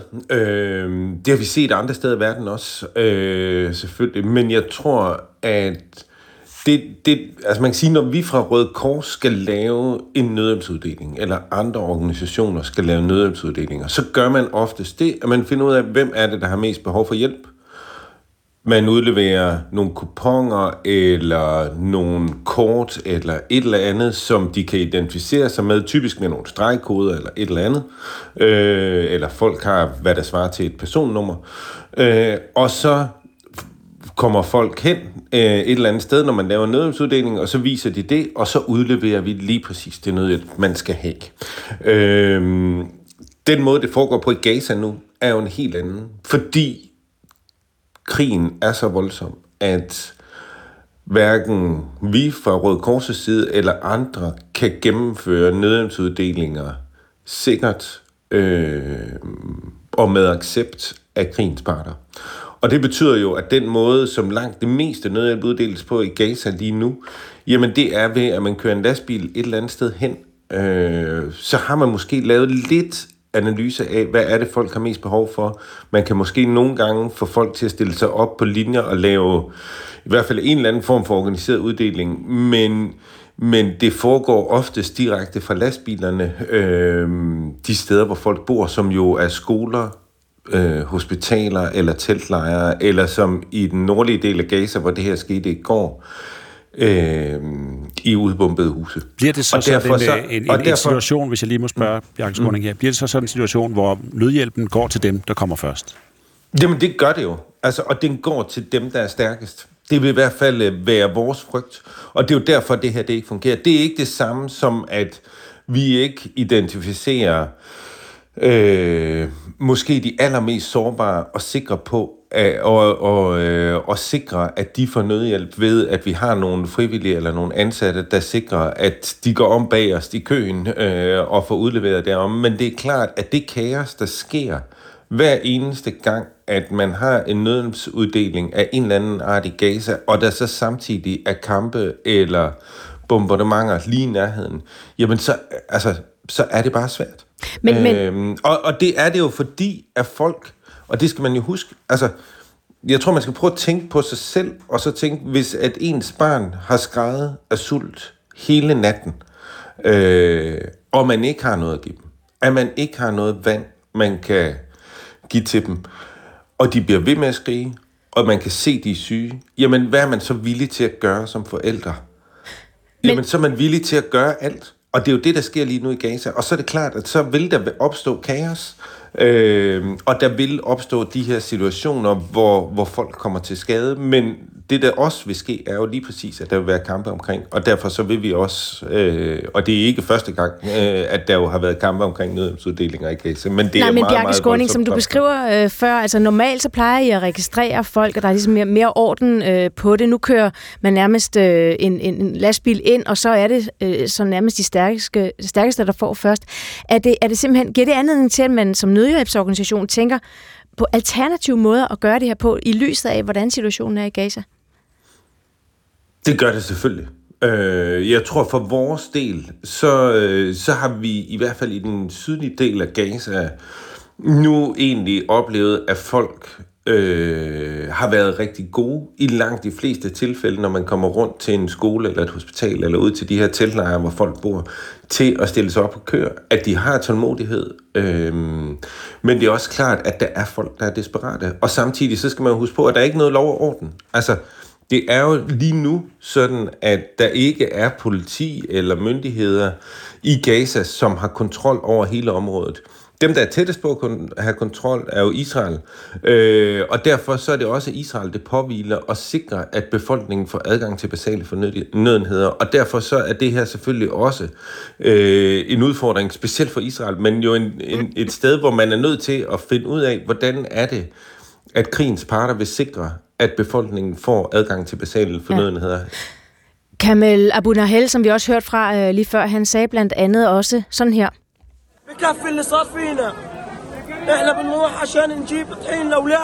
Det, som allerede er sket for os, er mere end rigeligt. Vi gik derhen for at hente mel til vores børn. Vi har spist dyrefoder i to måneder, og selv det slap op. Hvad skal vi gøre? Hvor skal vi gå hen til? Ja. Hvad kan man gøre, øh, Bjarke Skåning, hvad, for at forhindre det her, det sker, og man sikrer den rette hjælp? Det, man kan jo sikre, at krigens parter laver en aftale, som sikrer, at kamphandlingerne flyttes, eller der i hvert fald bliver en pause i kamphandlingerne, der gør, at nødhjælpsorganisationer herunder Røde Kors får adgang. Øhm, og så kan man jo også håbe på, at den aftale jo giver os øh, som Røde Kors adgang til de israelske gisler, som, som nu har siddet mere end fire måneder i Gaza. Øhm, men, men det, jeg tror, der er allervigtigst, er jo, at man får lavet en aftale, som gør, at krigens parter, herunder specielt Israel, giver humanitær adgang og uhentet humanitær adgang, sådan at de lastbiler, der holder ikke længere end 30 km væk mm. øh, inde i Ægypten, de får adgang og kommer ind med nødhjælp, som befolkningen har så ekstremt brug for. Bjarke Skåning, tak for det. Velkommen. Katastrofechef i Dansk Røde Kors. Godmorgen, det her er P1 Morgen på årets første officielle forårsdag. Men står der i virkeligheden alt for mange arrangementer i din kalender her på datoen 1. marts? Ja, det kan jo være meget godt med en yoga-tid om formiddagen og en kaffeaftale om eftermiddagen og så gæster senere på aftenen sådan en fredag. Men hvis øh, alle dage i kalenderen pludselig er booket med arrangementer, fordi du helst ikke vil gå glip af noget, så kan du komme til at lide af det, som man kunne kalde kalenderangst. Og problemet er, at det samme jo kan gælde, hvis der står for lidt i kalenderen, for så kan man ja. jo føle, at man går glip af noget. Præcis. Sarina Gren Lorentzen, som er studerende, beskriver sin kalenderangst i en klumme i politikken. Og vi taler med en forsker, der siger, at det faktisk er udbredt blandt unge, at de oplever det her kalenderangst. Det er om 20 minutter. I seks år har den katalonske separatistleder Charles Puigdemont været i eksil i Belgien. Men på det seneste så har der åbnet sig en dør for, at han har kunnet vende hjem. Hans parti lægger nemlig stemmer til den spanske regering, der i bytte har lovet at give amnesti til de katalanske separatister. Men den mulighed blev dog sat på hold, efter at den spanske højesteret i går meldte ud, at man har sat i gang en terrorefterforskning mod Puigdemont, Carsten Humlebæk, som er lektor på CBS og ekspert i spanske forhold, har mere om den sag, når klokken bliver kvart i otte. Så skal vi have fat i nogen, som flere gange har taget fusen på det udenrigspolitiske råd og også på udenrigsminister Lars Løkke Rasmussen. Og nu har de så været i gang igen, den russiske duo Vovan og Lexus. De har fat i udenlandske soldater, som kæmper på ukrainsk side og fubbet dem til at være med i en opdigtet leje her, som har til formål at vælte præsident Zelensky. Hør mere om øh, den gruppe klokken 10 minutter i 8 cirka. Så altså godmorgen igen. Her i studiet er vi Maria Hollænder og Søren Carlsen. BRICS-landenes økonomier kommer med tiden til at trumle de vestlige økonomier. Det var et af budskaberne i den russiske præsident Vladimir Putins tale til den federale forsamling, hvor han altså fremhævede BRICS-landene Brasilien, Rusland, Indien, Kina, Sydafrika. For han anser nemlig verdens førende økonomier, altså dem i G7-landene, Kanada, Frankrig, Tyskland, Italien, Japan, Storbritannien og USA, for at være på tilbagetog mens BRICS-landenes økonomier i de kommende år vil overhale og overtage taktstokken i verdensøkonomien. Так уже в 2028 году страны БРИКС Allerede i 2028 vil BRICS-landenes bruttonationalprodukt udgøre omkring 37 procent af verdens BNP, og G7-landenes andel bliver reduceret til mindre end 28 procent af verdens samlede BNP. Det er meget overraskende tal, for bare til 15 år siden var situationen en helt anden. Jeg har allerede talt offentligt om det. Det er de tendenser, der er lige nu, forstår I. Globale tendenser, man ikke bare kan løbe fra. Det er objektivt, rigtigt, sagde altså Putin her i sin tale i går. Ulrik B., velkommen. Godmorgen. Økonomisk redaktør på Berlingske. Er det objektivt rigtigt? Som han siger, Putin? Ja, det er objektivt rigtigt, at BRICS-landene fylder mere i den globale økonomi end G7-landene. Det er der ikke noget overraskende i. Det er en bevægelse, vi har set siden for alvor, at Kina trådte ind i den globale økonomi og blev verdens fabrik. Der har vi set, at øh, udviklings- og vækstøkonomier fylder stadig mere. Hvad der sker i 2028 afhænger jo af en hel del ting, blandt andet hans egen lille krig i Ukraine. Og det der er jo det sjove, når, når Putin står og siger de her ting, det er jo sådan lidt, det er som musen øh, og elefanten, der går over broen, ikke? og musen siger, i hvor vi gunger, fordi når BRICS-landene fylder mere i den globale økonomi, så skyldes det Kina især, lidt også Indien især her de senere år, men faktisk fylder Rusland, Brasilien og Sydafrika mindre i den globale økonomi, end det gjorde for 10-20 år siden. Mm, så han hægter sig lidt på altså Rusland? Ja, Rusland har faktisk under Putin været en økonomisk øh, katastrofe, kan mm. man godt sige. Men ikke desto mindre, BRICS-landenes økonomi fylder samlet set mere og G7-landenes økonomi er mindre. Hvorfor? det er en helt naturlig udvikling, hvis vi bare ser på øh, befolkningsantallet. Der bor øh, 2,7 milliarder mennesker i Indien og Kina. Ikke? Der bor med, sådan afhængig af hvordan man opgør det, 500 millioner i Europa. Øh, det giver jo god mening, at når man kommer ud, væk fra rigsmarkerne og kommer op i en økonomisk udviklingsfase, så som det de lande har været, og i øvrigt også mange andre lande, ikke mindst i Asien, har vi haft meget, meget høje vækstrater i mange år. Et land som Indonesien er middelklassen større end den franske befolkning. Øh, så får man jo en øh, selvforstærkende positiv effekt, hvor de jo også efterspørger mere avancerede varer. Du får et samfund, som på mange måder, øh, fordi de startede relativt sent, har nyt godt af, at meget af den teknologi, vi skulle kæmpe os frem igennem, der kan de egentlig bare tage sådan en femte generations teknologi og starte derfra. Så derfor får man nogle meget høje vækstrater mange steder i verden, og så er det helt naturligt, at os, der er gammelrige, at, øh, at vi sakker lidt bagud. Det er jo ikke sådan, at vi bliver fattigere, men de andre vokser mere end os. Men skal vi være bekymrede for øh, her i de vestlige økonomier, at vi får baghjul? Øh, vi skal i hvert fald holde op med sådan en selvfedme om, at vi skal være foregangsland, og det skal nok, altså, det er os, der har opfundet det, derfor går det godt. Noget af det, som vi jo kan se, især i den danske kan man sige, klimadebat. Ikke? Vi snakker meget om, at det er os, der skal levere klimateknologier til resten af verden. Jeg lover for, at det er der også rigtig mange andre, der har, der har idé om, at de skal. Indien har. Kina er jo øh, med statsstøtte i ryggen jo blevet kæmpe store, for eksempel på vindmøller, hvor vi jo selv mener, at vi har en stor konkurrencefordel. Øh, Kina var først ude på elbiler og har en kæmpe del af det globale marked, også når det gælder bilbatterier. Så ja, vi skal være meget, meget bekymrede for, at vi ikke kommer til at falde i søvn i hængekøjen. Og når du siger bekymret, betyder det så, at vi skal kæmpe hårdere for at være med? Jamen altså, hvis ikke vi kæmper hårdere, end vi har gjort hidtil, øh, og hele tiden sørger for, at vores samfund er optimeret, at vores virksomheder har de øh, optimale vilkår, og at vi uddanner øh, vores befolkning, ikke kun de unge, men hele befolkningen, i forhold til de teknologiske muligheder, der er derude, så, så taber vi simpelthen den her kamp. Lige nu, der er Danmark øh, og Europa på en suveræn tredjeplads øh, blandt tre. Øh, Kina og USA spurter derud af, og vi er slet ikke kommet hen til startblokken Men giver det ikke også nogle gode muligheder for, altså, når BRICS-landene for eksempel bliver rigere, og så er der lige pludselig nogle markeder, der kan øh, vi kan afsætte vores varer til. Jamen, det er jo det, det, der har været tanken ved det hele, og derfor vi måske ikke har været så bekymrede. Fordi det er jo sådan, det har fungeret tidligere, at når de bliver mere avancerede, så køber de mere avancerede varer af os, som har ligget højere oppe og, og øh, på... Alting er dyrere, ikke? men vi producerer også ting, der har en højere værdi. Det, der bare er problemet, det er sådan set, at de vil gerne producere de ting selv. Og så ser vi jo, og det er jo det, det der er Putins indre budskab, det er, vi kan se det med sanktionerne mod Rusland fungerer ikke, fordi de her lande har en anden dagsorden, end vi har. De, op, de overholder ikke de sanktioner, som Vesten har opstillet. Øhm, og det er jo der, hvor at vi kan se, at de skriver, omskriver reglerne undervejs. Vi er jo begyndt at diskutere statsstøtte i Europa, og i øvrigt også i USA, på en måde, vi ikke har gjort i årtier, fordi vi sagde, at de gavner os ikke. Vi bliver ikke rigere af det. Det gør vi heller ikke. Men når Kina gør det i det omfang, de gør, er vi så også nødt til at spille efter deres regler. Og det er det, der er det nye. Øh, vi har lavet reglerne for den globale økonomi tilbage i 40'erne, og vi synes, det fungerer godt, og det fungerer godt, men de vil have nogle andre regler, og det skal vi så finde ud af, hvordan vi skal håndtere. Så, så hvad der er på spil for os? Nå, men ikke andet end vores økonomiske fremtid, vel? Mm. Og det gælder Nej. jo også Danmark. Nå, altså, det er ikke noget at snakke om. Så det er ikke så meget, vel? Altså, nej, det er jo det hele. Altså, det er, det, og det er jo ikke verdensherredømme. Det er simpelthen et spørgsmål om at være relevant i den globale økonomi. Vi kan rigtig mange ting, i, i Vesten. Vi har nogle gode balancer i vores samfund. Det skal man også huske på er vigtigt i forhold til innovation og skaberglæde. Jeg har svært ved at tro, at sådan den her meget, meget voldsomme statsstyring, der er kommet ned over Kina, også i folks private liv, at det er noget, der fremmer innovation og fri tanke, for eksempel, som jo er meget vigtige i en øh, videnskabende økonomi. Der kan vi rigtig mange ting. Men vi er bare nødt til at være opmærksom på, at de andre er blevet så store, at hvis vi ignorerer dem, så er det altså virkelig noget, der kommer til at bide os bag i bagefter. Mm, og hvad med de prioriteringer, vi har i den vestlige verden, for eksempel klima?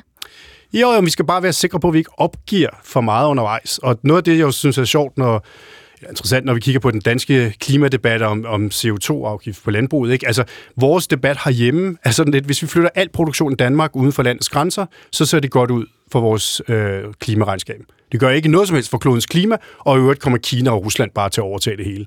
Og så, hvor langt er vi så kommet? Ikke? Og, og det er jo der, vi skal finde en balance i, at vi skal gøre det, der er smart. Vi skal bruge smarte teknologier og opfinde nye måder, men vi skal også gøre det i tempo, hvor vi husker, at øh, vi kan smadre os selv på en måde, hvor vi ikke kommer tilbage igen. Og så opfører Kina altså hvert år kulkraftværker, der svarer til mange gange den samlede danske CO2-udledning. Og er der håb forud, Ulrik B., for at vi, vi kommer til at gøre det rigtige, som du nævner? Der er jo to muligheder. Enten gør vi det på forkant, altså hvor vi, hvor vi er bevidste om det, så vi ikke skal ned i en krise først, eller også så skal vi ned i en dyb krise i den vestlige verden. Øh, jeg er stadigvæk øh, ret optimistisk. Vi lever i en øh, årti, hvor der kommer enorme fremgang i produktiviteten med den nye teknologi, der er til rådighed. Det vil løse mange af vores problemer, og som sagt synes jeg, at vi har nogle gode balancer i vores samfund, som øh, er ret attraktive også for, for middelklasser andre dele i verden. Ulrik B., tak for analysen. Velkommen. Og besøget økonomisk redaktør på Berlingske. Kvart over syv. I årtier har vi været vant til, at øh, vi har levet i beskyttelse under det, man kalder den amerikanske atomparaply. Amerikanerne havde, har et atomforsvar, som også kunne beskytte os her i Europa. Men der er et opbrud i gang netop med tanken om, at vi alle er beskyttet under den amerikanske atomparaply. Øh, altså der er et opgør i gang med ideen om, at vi ikke behøver at udvikle vores egen atomvåben. Logikken har altså hidtil været, at USA vil beskytte os, hvis vi står over for en atommagt. Men den tanke er blevet udfordret af både Frankrig og Tyskland. Det, det skyldes øh, sådan helt overordnet to udviklinger. Dels, at der er usikkerhed om øh, den amerikanske atomparaplys øh, stabilitet, øh, især ved udsigten til øh, potentielt Trump tilbage. Og så er det fra den modsatte side øh, presset fra, fra Rusland og, øh, og den igangværende krig i Ukraine. Så det er så at sige både fra, fra vest og fra øst, at, øh, at, at man læser en ny sikkerhedssituation. Ja, det siger Kasper Andersen, som er lektor ved Institut for Kultur og Samfund på Aarhus Universitet. Og tvivlen om, hvorvidt amerikanerne kan beskytte deres allierede med deres atomvåben, har skabt frygt og tvivl i både Japan og Sydkorea, hvor støtten til at udvikle deres egne atomvåben stiger blandt befolkningerne. Det skal vi tale om øh, nu med dig, Camilla Tænder Nørup Sørensen. Godmorgen. Godmorgen lektor ved Institut for Strategi og Krigsstudier ved øh, Forsvarsakademiet. Hvis vi ser øh, nogle år ud i fremtiden, bliver Sydkorea og Japan så også atommagter? Ja, det vil jeg mene, at der er en stor sandsynlighed for. Altså, det er jo selvfølgelig afgørende, øh, hvordan deres allianceforhold til USA udvikler sig, og, øh, og, og deres tro på, ikke, at, at USA øh, øh, vil komme dem til undsætning. Øh, det vi skal have med er jo, at at Sydkorea og Japan øh, har både øh, stigende bekymringer omkring Kina, øh, og så selvfølgelig stigende bekymringer omkring Nordkorea, der begge er atomvåbenstater. Mm, ja, fordi hvorfor er det lige netop Sydkorea og Japan, man taler om, kunne finde på at ruste op med atomvåben? Jamen det er fordi, at de ligger lige midt i, øh, i Asien, ikke? Øh, med øh, både Kina og Nordkorea i nabolaget. Øh, og det er jo begge lande, altså Kina og Nordkorea, der i de her år styrker deres øh, atomvåbenprogram. Og det er selvfølgelig noget, der skaber stor bekymring i, i Japan og Sydkorea. Øhm, og så er det jo også USA's to vigtigste allierede øh, i Asien, de to stærkeste øh, militære øh, allierede, som USA har i Asien, og de er meget stærke økonomiske og teknologiske øh, stater også, så de vil faktisk relativt hurtigt øh, kunne udvikle øh, atomvåben. Mm. Har de, øh, er de sakket bagud i forhold til deres øh, naboer i henholdsvis Kina og, og Nordkorea? Nej, det er de sådan set ikke, altså, fordi de har jo været dækket ind under den her amerikanske atomparaply, som, som I nævnte, øh, og USA har ikke ønsket at se øh, deres to allierede i Asien øh, udvikle atomvåben. Der var faktisk øh, et program i gang i Sydkorea i 70'erne, øh, og det fik øh, USA øh, til at sætte en stopper for. Altså, de vil ikke have, at deres øh, allierede i Asien skulle, øh, skulle udvikle egen atomvåben. Det var ligesom en del af, af den store rolle, som, som USA spillede som sikkerhedsgaranten for deres allierede også i Asien, at de var dækket ind under den her øh, afskrækkelses, øh, den store afskrækkelse fra, fra USA. Men altså, det er jo det, der øh, i stigende grad kommer, kommer tvivl øh, om, i, øh, også i de her lande, altså Japan og Sydkorea.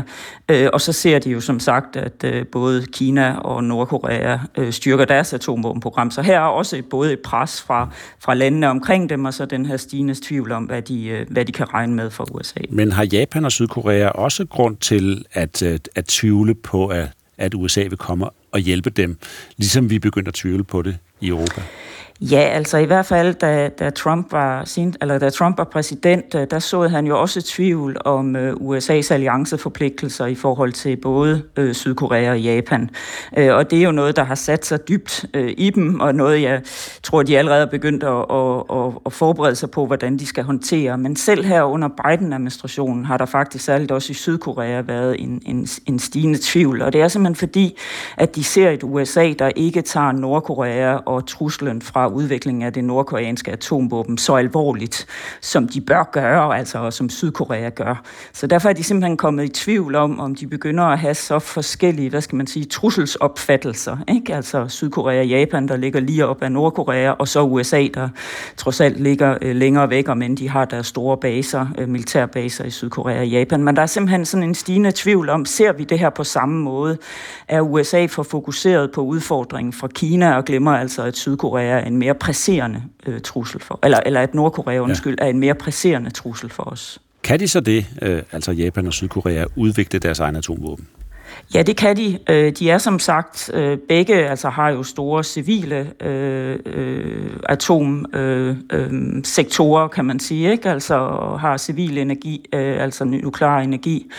Øhm, og de har, altså de er jo meget stærke militærmagter i det hele taget, de er meget stærke økonomier og meget stærke teknologiske magter, så på den måde har de alt det, der skal til, kan man sige, for at udvikle øh, atom, øh, på, øh, atomvåbenprogrammer øh, relativt øh, relativ hurtigt. Men det har jo været nogle begrænsninger, der både er kommet fra USA, som sagt, der ikke har støttet, at de skulle udvikle programmerne, og så også nogle begrænsninger, nogle politiske begrænsninger internt i de her lande. Men der ser vi altså både i Sydkorea og Japan, at debatten virkelig flytter sig i de her år.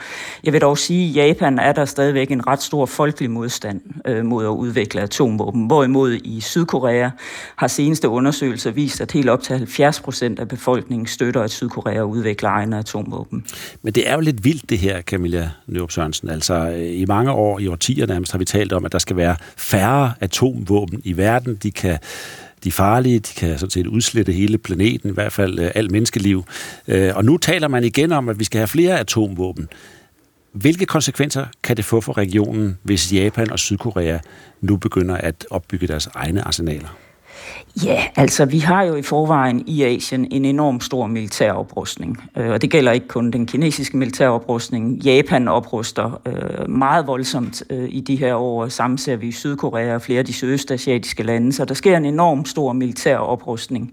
Så i forvejen er det en region, der er præget af stigende sikkerhedspolitisk spænding og, øh, og militær oprustning. Og der kan man sige, det, at man så kaster atomvåben ind i det, øh, gør det ikke nødvendigvis mindre ustabilt, men på den den anden side, så kunne det måske være med til at lægge en dæmper på øh, eventuelle militære konflikter, der kunne udvikle sig i regionen, hvis den her automare afskrækkelsesbalance øh, er, er på plads. Ikke? Altså hvis det er troværdigt, øh, at hvis Nordkorea begynder at, og, og hvilket jeg ikke tror er særlig sandsynligt, men begynder at bruge de her atomvåben mod øh, Sydkorea eller Japan, ja, så kan de være sikre på, øh, at de vil få noget øh, tilbage, og dermed den her afskrækkelsesbalance, der, der er på plads.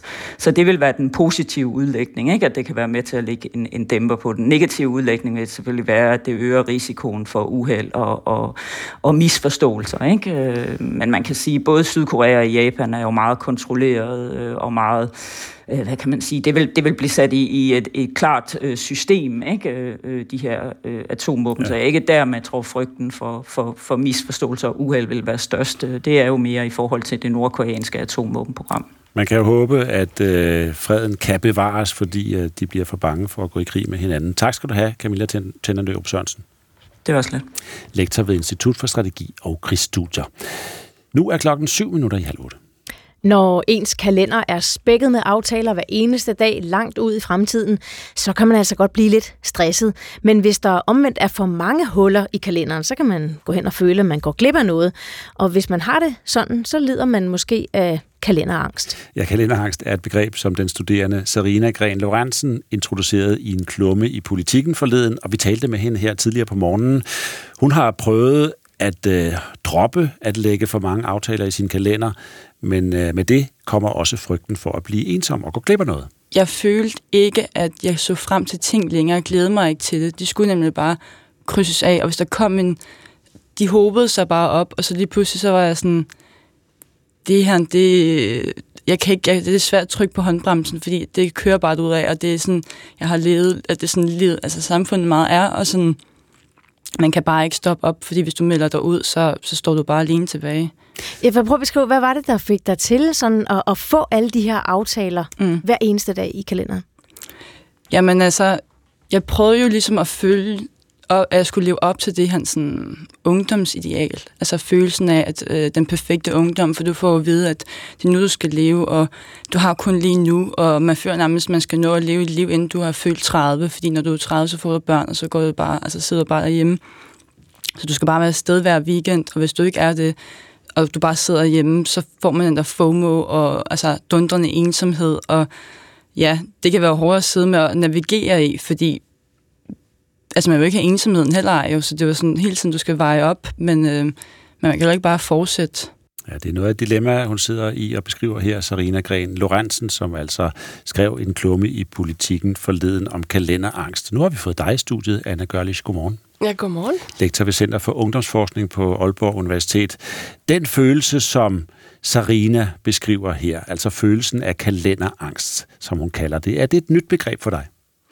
Altså selve begrebet har jeg faktisk ikke hørt før, men fænomenet øh, tænker jeg ret genkendeligt. Øh, og hvis man skal forstå det, så er man også nødt til at forstå sådan nogle lidt bredere samfundsmæssige øh, tendenser, som spiller ind, ikke kun i den her unge kvindes liv, men i vores allesammens liv, øh, som handler om dels det, at tempoet er forøget. Der er mange ting, vi skal hele tiden. Den der to-do-liste, at hun beskriver, øh, gælder for os alle sammen, og det gælder på alle mulige områder, så det gælder både i uddannelse og på arbejde, og så også i privatlivet. Og det er klart, at det skaber en overbelastning.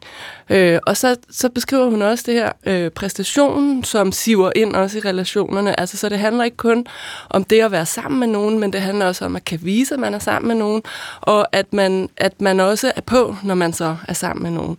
Det øger jo selvfølgelig også overbelastningen. Ikke? Og det sidste så, øh, sådan større samfundsmæssige forandring, vi også har set, det er, hvordan vi så øh, kobler sådan nogle psykologiske og diagnostiske begreber på det her og kalder det angst. Mm. Øh, og det tager den ligesom et nyk op i forhold til øh, den lidelse, hun så kan føle, at det er der noget galt med mig. Og det også peger pilen på hende. Det er hende, der ikke kan finde ud af at navigere i det her, øh, i stedet for at kigge på de her, netop de her lidt større samfundsmæssige øh, tendenser, der spiller ind. Ja, det er virkelig det, hun forsøger på her. Så ja. Nu har jeg gået og døjet med det her, men jeg har fundet ud af, at sådan har mine venner det også, og så skriver hun kronikken som et slags opråb til sin generation. Hey, hvad er det, vi har gang i her?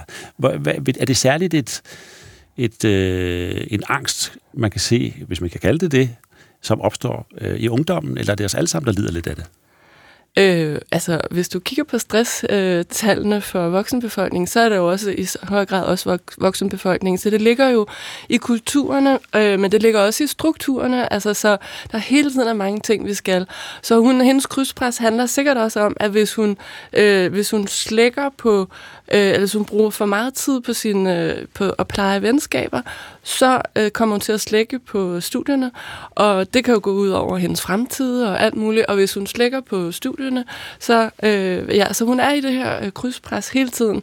Øhm, men man kan jo også sige, hvis nu vi går med på præmissen om, at accelerationen og tempoet er forøget for os alle sammen, og vi alle sammen har de her eksploderende to-do-lister, hvem er det så egentlig, der har ansvaret for at lære de unge, og børnene i øvrigt også, øh, hvordan man navigerer i det her? Ikke? Hun har jo fået kalenderen, kan man sige, ikke? Ja. men men, men så propper hun bare, den bruger hun til at skabe overblik over alle de aftaler, men hun bruger den ikke til at sortere i dem, eller, eller sige nej. Og det der måske, der skal måske placeres et ansvar for, hvem er det egentlig, der lærer øh, de unge det. Det vil være tilfældigt, hvem der så lærer det, og hvem der ikke gør.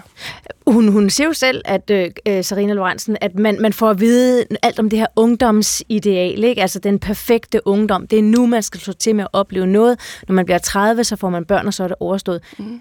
Er det øh, forældrene, eller hvem, hvem har ansvaret for at, at hjælpe de unge her med at balancere det?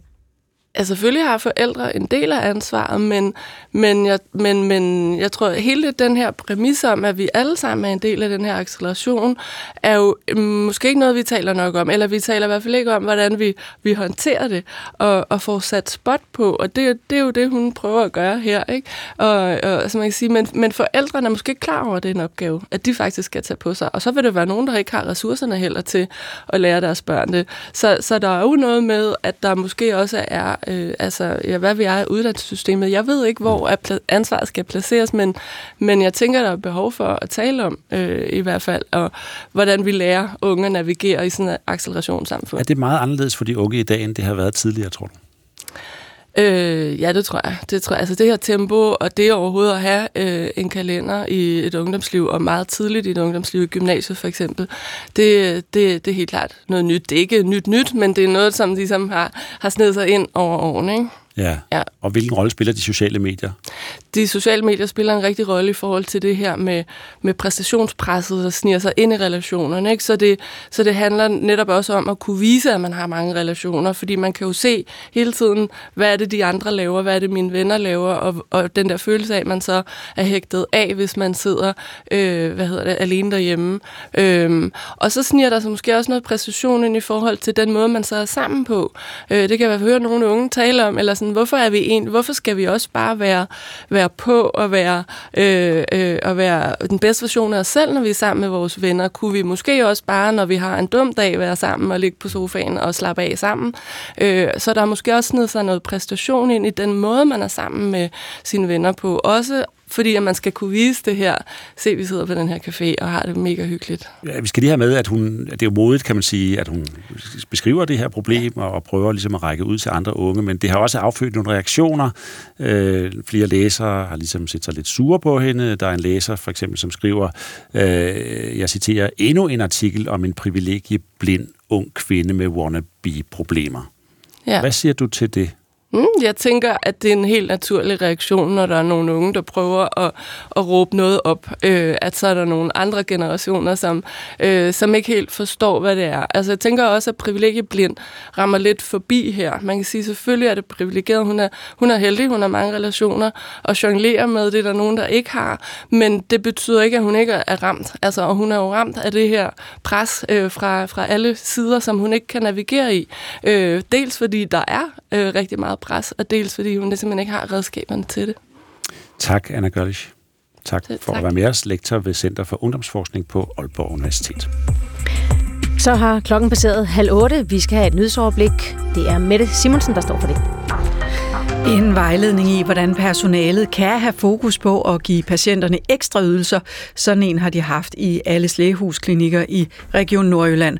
Og ekstra ydelser som for eksempel blodprøver giver ekstra betaling fra regionen.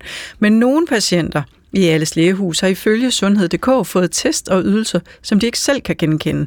Og vejledningen vækker harme hos kontorchef hos Region Nordjylland, Carsten Havgård Kvist. Nu har vi jo fået forelagt noget materiale, som underbygger påstandene om, at der foregår snyd i alles lægehus. Bestyrelsesformand i alles lægehus, Thomas Held, skriver til DR, at vejledningen indeholder uhensigtsmæssige formuleringer og er blevet ændret. Israelske styrker stod ikke bag nedskydningen af civile palæstinenser, der over 100 personer torsdag blev dræbt ved Gaza by, da de stemlede sammen om en konvoj på 38 lastbiler, der kom med nødhjælp. Det oplyser det israelske militær. Den udlægning står i kontrast med meldinger fra de palæstinensiske myndigheder. Uanset hvad der er rigtigt, så siger Bjarke Skåning, katastrofechef i Røde Kors, at hændelsen er et udtryk for... Den desperation, som folk er i Gaza, de er sultne, og de forsøger på bedst mulig måde at få, få fat i noget mad. Vi bliver ikke bare flere mennesker, der bliver også mere æres rundt omkring i verden. Over en halv milliard mennesker er nu svært overvægtige. Det vurderer Verdens Sundhedsorganisation WHO og en række internationale forskere i et nyt studie. Ifølge studiet er overvægt især udbredt i lav- og mellemindkomstlande, og som tidligere har haft udfordringer med underernæring. På baggrund af studiet opfordrer Verdens Sundhedsorganisation til højere skatter på sukker. Skyde med en mest tørt vejr mod vest, men solen kan kigge frem i øst, men der kan også både være dis og tåge. Temperaturer mellem 5 og 10 grader. Vind blæser svagt til jævn fra syd og sydøst, og det blæser noget mere nær kysterne her til formiddag med frisk til hård vind. Og I skal kigge på noget med, hvornår man er død nok til, man må få taget organer ud. Ja, en ny type øh, organdonation er taget i brug i Danmark. Mennesker, der er afgået ved døden, kan nu videregive deres organer, både hvis de er blevet erklæret hjernedød, og hvis deres åndedræt eller hjertefunktion er ophørt. Tidligere har det været en forudsætning for organdonation, at donoren skulle være død ved hjernedød. Men i efteråret gjorde en politisk beslutning det muligt at donere organer efter såkaldt cirkulatorisk død, det vil sige, at hjernen er død, fordi hjertet ikke længere slår, og der ikke kommer blod til hjernen. I Lungeforeningen der er man meget positiv over for den her udvikling. Vi håber på, at, øh, at det betyder, at man får flere donationer, og derved også, at der er flere af vores medlemmer, som kan få de nye lunger, de har, har meget stort behov for. Og sådan lød det fra Torben Mogensen, som er formand for Lungeforeningen. Og organdonation manglen på organer er noget, der diskuteres hæftigt for tiden, især efter regeringens forslag om, at vi fremover automatisk skal være organdonorer, dog med mulighed for, at man kan fremmelde sig. Det er de fire store universitetshospitaler, Aarhus, Odense, Aalborg og øh, Rigshospitalet, der kan gennemføre organdonation efter cirkulatorisk død. Velkommen, Helle Havbro Andersen. Tak skal du have. Leder af Dansk Center for Organdonation. Set fra jeres side af bordet, hvor stort er det så, at man nu har foretaget de her første donationer efter cirkulativ død? Vi er rigtig, rigtig glade og glæder os sammen med hospitalerne om, at øh, vi nu også er kommet i gang i, øh, i Danmark med det her. Det er jo sådan, at de her donationer bliver lagt oven i donationerne fra hjernedød, og det betyder, kan vi se samlet set, øh, at der bliver flere organer til transplantation, så vi kan hjælpe nogle flere af dem, der står på venteliste til ny nyere, lever og lunger, for eksempel. Den her type øh, donation har jo været benyttet i lande som Sverige, Norge og Finland, altså cirkulativ, øh, efter cirkulativ død. Hvad er det for erfaringer, man har med den type organdonation i andre steder i verden? Altså, erfaringerne er, at, øh, at vi får flere organer. Det er noget, vi ved, øh, der rent faktisk øh, giver flere organer til transplantation. Og noget, der også er vigtigt, synes jeg at pointere, det er også, at øh, vi nu er så langt i den faglige og tekniske udvikling, at kvaliteten af de organer, der transplanteres efter cirkulatorisk død, er fuldstændig sammenlignelige med dem, der transplanteres efter hjernedød. Ja, fordi øh, jeg tænker, hvad er egentlig grunden til, at man ikke har gjort det noget før? Er der noget, man har været bekymret for ved at, at bruge cirkulativ død som, som øh, basis for en organdonation? Altså det er jo klart, at det, der har været vigtigt her i Danmark, det er jo også at se det andet i forhold til netop kvaliteten af organerne. Øh, og der, er ikke, der viser alle studier nu, at, øh, at de er lige så gode organer at transplantere som efter hjernedød. Så det, har, ikke så det har været en væsentlig forudsætning. Så det har ikke haft noget at gøre med, om, om man nu også var rigtig død, hvis ikke man var hjernedød? Nej, vi startede for, jeg tror det er helt tilbage i 2019, hvor Folketingets sundhedsudvalg øh, sagde, at nu skulle vi til at gå i gang med det her, hvor Sundhedsstyrelsen tog fat og gik i gang med at lave de faglige anbefalinger. Og øh, den arbejdsgruppe, der har siddet bag ved det her, har fastlagt nogle retningslinjer, som med sikkerhed fastslår, at øh, de kriterier, man øh, konstaterer patienterne døde efter, øh, er fuldt ud sikre i for, på samme måde, som når man konstaterer hjernedøden. Ja, fordi i mange tilfælde, der er det jo den afdødes pårørende, som må tage beslutningen om organdonation. Er der noget ved den her type donation, der gør, at når man taler med de pårørende om det, at man så må gøre det på en anden måde, end man har gjort hidtil? For eksempel, hvis der er bekymring om, om, om personen nu er rigtig død? Jeg tror ikke, at det er inde på hospitalerne, at den her diskussion kommer til at foregå. Det er noget, vi ved erfaringsmæssigt fra, fra de pårørende, som har prøvet det i de andre lande. Faktisk er, siger langt de fleste pårørende til den her type afdøde donorer, at det er meget mere begribeligt at forstå, at øh, deres kære, der ligger i sengen, rent faktisk er død. Man kan jo se, at de ikke trækker vejret, og at hjertet ikke slår. Så det er meget mere begribeligt og forståeligt, at deres øh, kære er, er døde, og at man udtager organerne derefter. Så forventer du, at man lige frem vil, vil få lettere ved at få pårørende til at træffe beslutning i de tilfælde? Vi kan i hvert fald, øh, hvis vi tager fat i en undersøgelse, som Sundhedsstyrelsen gennemførte her hen over sommeren, hvor hvor man spurgte altså almindelige borgere, som ikke stod i situationen, øh, forklare, hvad det her krig der var der faktisk flere, som, var, som sagde, at de var mere tilbøjelige til, at de gerne ville donere deres organer. Så øh, du sagde Så, lige... ja, det kunne vi godt forestille os, mm. at, øh, at der er flere, fordi det er mere begribeligt faktisk. Og nu, det svipser lidt med forbindelsen, men bare kort til sidst, Helle Havbro Andersen. Du, hvor stor en forskel forventer du, det kommer til at gøre for de ret lange ventelister, hvor folk øh, ligger og venter på organer? Altså anslået, når det hele er rullet fuldt ud, og vi er i gang alle steder, så forventer vi i hvert fald øh, mellem 30 og 35 flere afdøde donorer, som jo kan afgive flere organer. Så vi tænker, at der bliver rigtig, rigtig mange øh, ekstra transplantationer. 30-35 om året? Ja, afdøde donorer. Mm. Men det er ikke lige her i starten, selvfølgelig. Helle Havbro Andersen, tak for det. Der kan jeg høre, at nu klikker det også helt. Det passer fint. Vi er færdige. Leder af Dansk Center for Organdonation var det altså her. Klokken er 21 minutter i 8.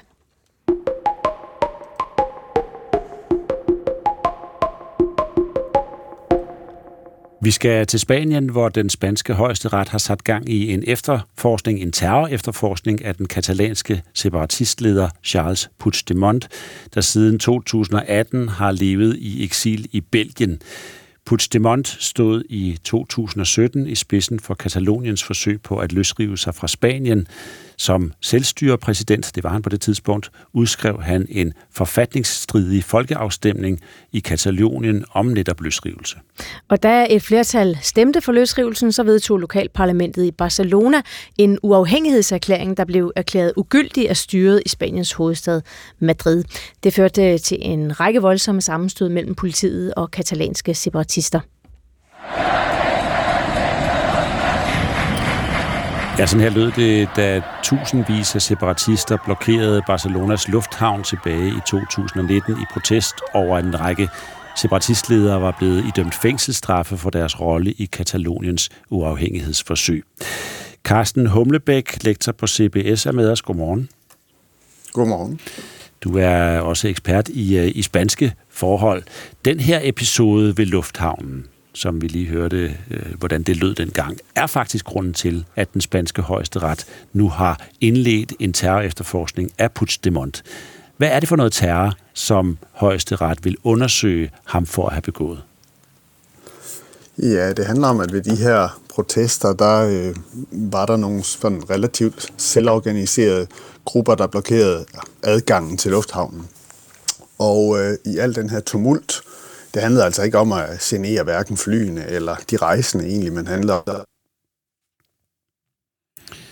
Ja, vi har problemer med vores linjer her til morgen. Ja. Nogle gange er man heldig, at den kommer tilbage, eller også så er man der, hvor man må ringe op på en telefon. Ja, han taler om en øh, bevægelse i Katalonien, demokratisk tsunami hed den, som øh, åbenbart var ja, var temmelig øh, militant og havde nogle mål øh, om, øh, og det mener højesteret i hvert fald, om at øh, undergrave lov og orden, og det er altså det, som den spanske højesteret er ved at undersøge om øh, Charles Puigdemont han havde en øh, relation til. Jeg ved ikke, om vi kan forbindelse til Carsten Humlebæk. Jeg tror, vi, øh, vi går videre til, øh, til en anden historie, så håber vi, at vi får forbindelse på telefonen måske til, til Carsten Humlebæk lidt senere. Vi går videre til lige at tale om mæslingesmitte, som der bliver ved at dukke flere tilfælde op af i Danmark. I den her uge er der blevet fundet to urelaterede tilfælde af mæslinger i Region Midtjylland. Det var en voksen og et barn, der hver især var smittet. Det er det øh, fjerde og femte påviste tilfælde af mæslinger i år, fordelt på tre forskellige regioner. Men selvom antallet af mæslinger er på øh, lavt niveau i Danmark, så bliver der holdt øje med det, lyder det fra Christian Morberg Weisse, som er overlæge på infektionssygdomme på Aarhus Universitetshospital og professor i global sundhed. Lige nu der øh, ser vi en smittespredning, som, øh, som ikke er øh, øh kontrolleret, kan man sige, fordi vi, vi har ikke øh, øh styr på smittekæderne. Øh, og, og det er noget, vi ser når, øh, når der er sådan en, en, en meget smitsom sygdom som, som mæslinger, øh, der, øh, der, der, der breder sig. Øh, og det, øh, og det, det er muligt, øh, fordi der er øh, en, en, en lille gruppe, øh, der ikke er øh, øh beskyttet, der ikke er immune, Øh, og øh, og så, øh, så, så kan vi altså, øh, når vi får viruset introduceret i befolkningen, så kan vi altså se, at, øh, at der, der, der sker den her spredning. Mm. Du siger, at vi har ikke styr på smittekæderne. Hvordan skal det forstås? Jamen det skal forstås sådan, at, øh, at de nye tilfælde øh, ved vi ikke, hvem er øh, smittet af. Altså de første tilfælde, vi havde, øh, i, i, som blev konstateret sidste uge, ja, der vidste vi, at, øh, at de var øh, smittet på en rejse i, i udlandet øh, og øh, havde smittet videre øh, lokalt.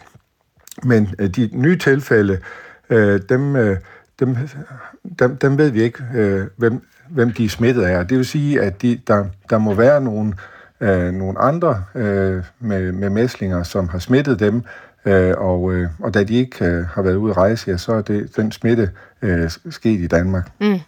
Ifølge WHO, så er mere end halvdelen af verdens lande i høj eller meget høj risiko for et udbrud af mæslinger i løbet af i år, hvis ikke de aktivt forsøger at bekæmpe sygdommen. Hvor stort er problemet?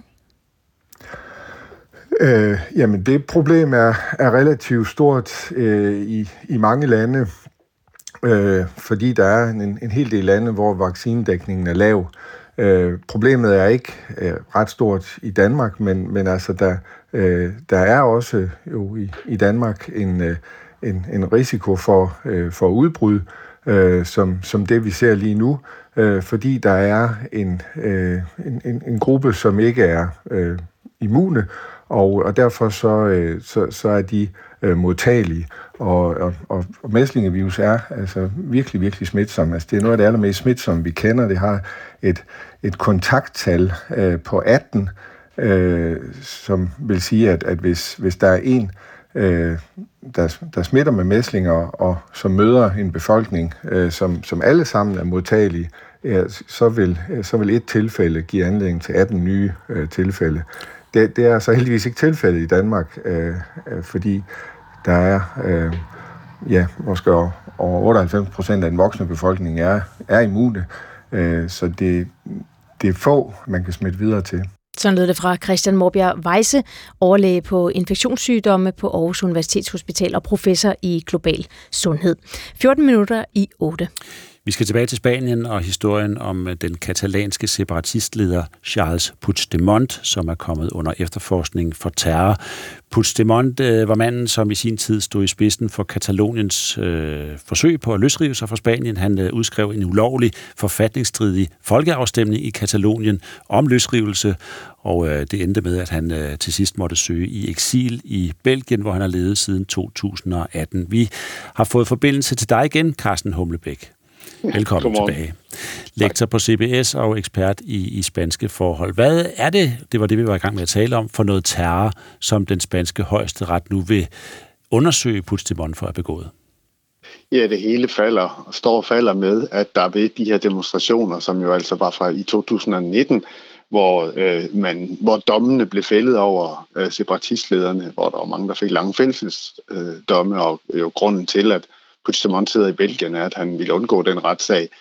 Altså, men ved de her, da, da dommene faldt, der, blev der, var der protestaktioner forskellige steder i Barcelona, og blandt andet ved øh, lufthavnen, hvor, man, hvor, hvor nogle selv, selvorganiserede grupper øh, blokerede adgang til lufthavnen. Og i tumulten var der en fransk terrorist, øh, ikke terrorist, en fransk turist, som øh, fik et hjerteslag og døde desværre.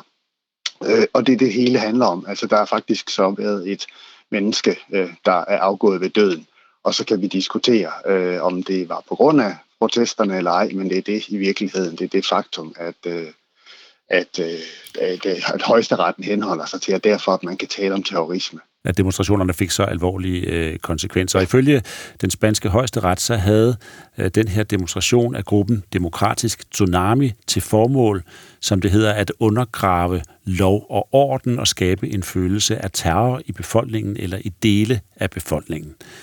Så der var altså et, et, et formål her, som, som øh, højesteretten knytter den her øh, gruppe til. Hvad ved vi om Puigdemonts tilknytning til den her gruppe? Jamen, det er et andet svagt punkt, fordi man kan sige, at vi kan diskutere på den ene side det her med, om, om, om den her mand der faktisk afgår ved døden som følge af de her demonstrationer, om der overhovedet ligger nogen intention bag, bag men det andet af de svage punkter er, at Puigdemont, øh, øh, det, det er svært at forbinde ham direkte til de her, for, de her grupper, fordi de rent faktisk var meget selvorganiserede. Det var en del af pointen, at, at øh, politiet og, og efterretningstjenesterne sad og fulgte enormt godt med i, hvad der blev lavet fra separatisternes side. Så en af grundene til, at man lige præcis organiserede ting og sager, er, at, man, øh, at det skulle være selvorganiseret. Det skulle ikke være topstyret. Så derfor er forbindelsen også heller ikke særlig tydelig øh, fra Puigdemont og, og til de her grupper. Øh, men, men det er klart, at han bliver i den her fortolkning, som højesteretten lægger an, der bliver han set som den øverste leder, og dermed også i en eller anden øh, forstand ansvarlig for øh, det, øh, alt det, der foregår i alle forgreninger af bevægelsen. Ja. Puigdemont, han siger selv om den her efterforskning ifølge øh, mediet Politico, det eneste, jeg mangler at blive anklaget for nu, er at have en hemmelig bankkonto i Panama.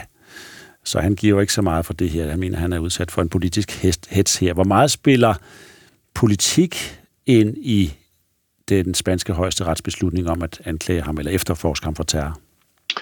Ja, altså det er en, det er en ongoing diskussion i Spanien, det her med, om, om, øh, om, om retsvæsenet er, er upartisk, øh, som det jo bør være.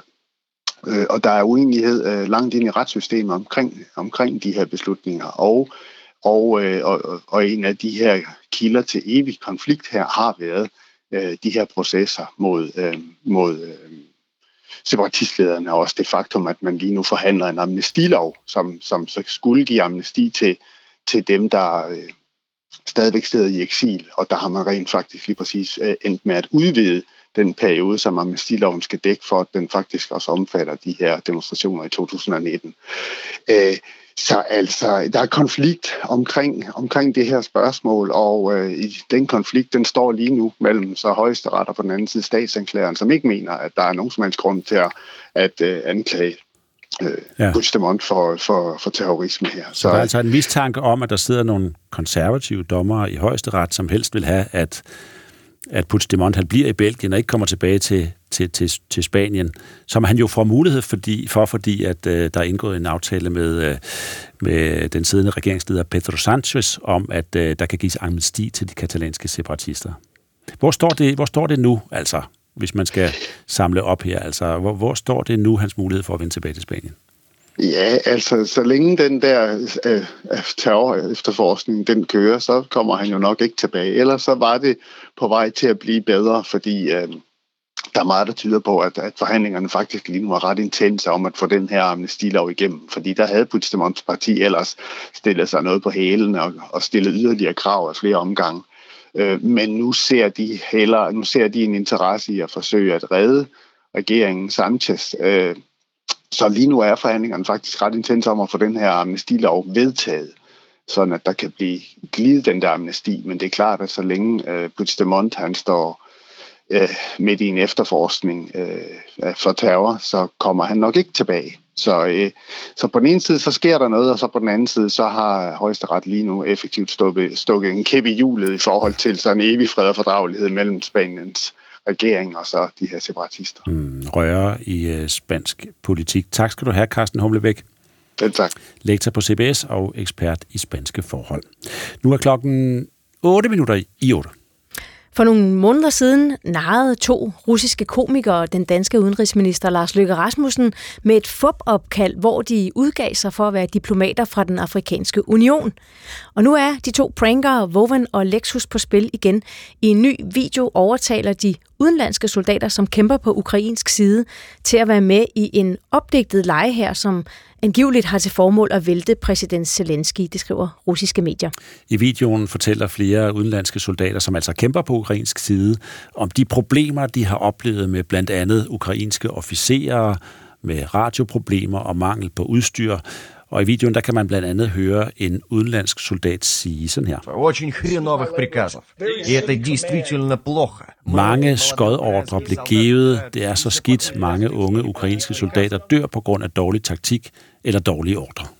Yevgeny Golovchenko, du er med os nu. Godmorgen. Godmorgen. adjunkt på Institut for Statskundskab på Københavns Universitet. Du forsker i disinformation og propaganda. Hvordan er det lykkedes de her to russiske komikere at komme i kontakt med udlændinge, som kæmper på ukrainsk side? Det er et rigtig godt spørgsmål. Det er i sig selv ikke nødvendigvis svært at komme i kontakt med tre soldater øh, til en aftalt møde, og så få dem til at klage over deres officer. Det kan man øh, gøre relativt nemt. Men det faktum, at Vavon Lexus har nu i mange år kunne få fat i både højtstående embedsmænd og politikere som André Duda, Polens præsident, og Ben Wallace fra det britiske forsvarsministerium. Og i øvrigt har info om fortrolige møder på højtstående niveau, tyder på, at de enten har meget dygtige, uafhængige hackere med på holdet, eller at de får hjælp fra den russiske efterretningstjeneste. Det kan næsten kun være en af de to. Og, og det er jo påfaldende altså, at øh, man hører de her ukrainske soldater sige, som de gør i lydklippet her, og, og er klar til at, og ligesom at gå over på den anden side og være klar til at vælte Zelensky angiveligt. Hvilke konsekvenser har det, at øh, folk, som har været ved fronten, bliver taget i at sige sådan noget her? Ja, jeg tror, jeg starter med at sige, at det vi får er en russisk dub, altså oversættelse af, hvad de siger på engelsk, så mm. det er ret utydeligt at, sige, at, at, at vide præcis, hvad der bliver sagt øh, i originalklip. Men det er klart, at det er med til at styrke narrativer på russisk statskonsulat tv, og det er ligesom hovedformålet her.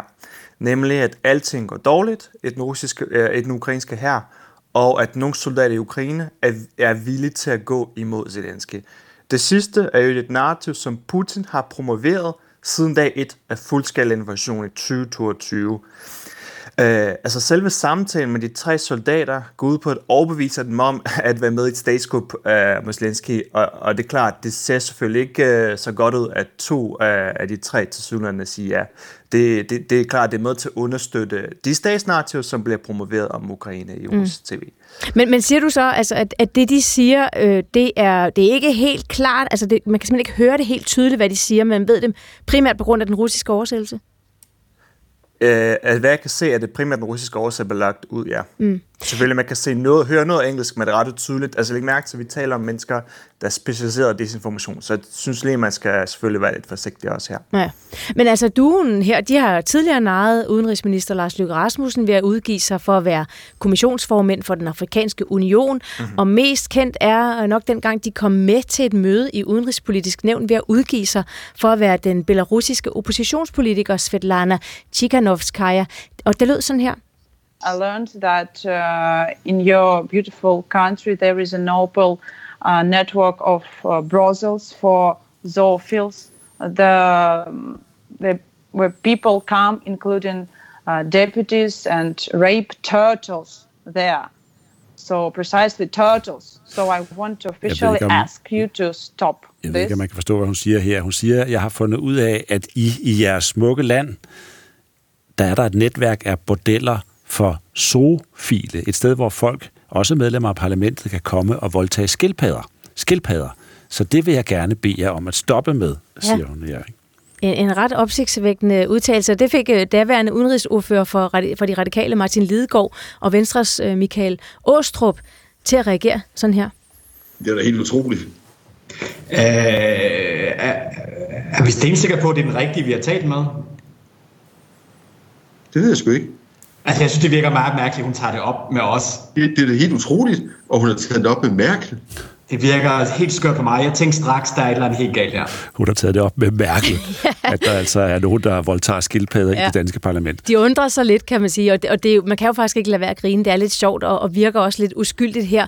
Men, men det der med at narre udenlandske soldater til at fortælle, hvad de oplever ved fronten, og så udbasonere det i russiske medier, og nu siger du jo så også, Evgeni, altså, at, at der er tydeligvis en russisk oversættelse her, som i hvert fald øh, pinpointer, at de, de siger noget imod Ukraine og Zelensky. Hvad siger det om den rolle, de to komikere har fået i Rusland? Ja. Altså, på russiske medier øh, er det først og fremmest sjovt på Danmarks bekostning, øh, jævnfør jeres for eksempel, og det opsummerer deres rolle egentlig meget godt. Det er vigtigt at slå fast, at Vavon Alexis er to russiske trolde, der som minimum har et symbiotisk forhold med den russiske stat.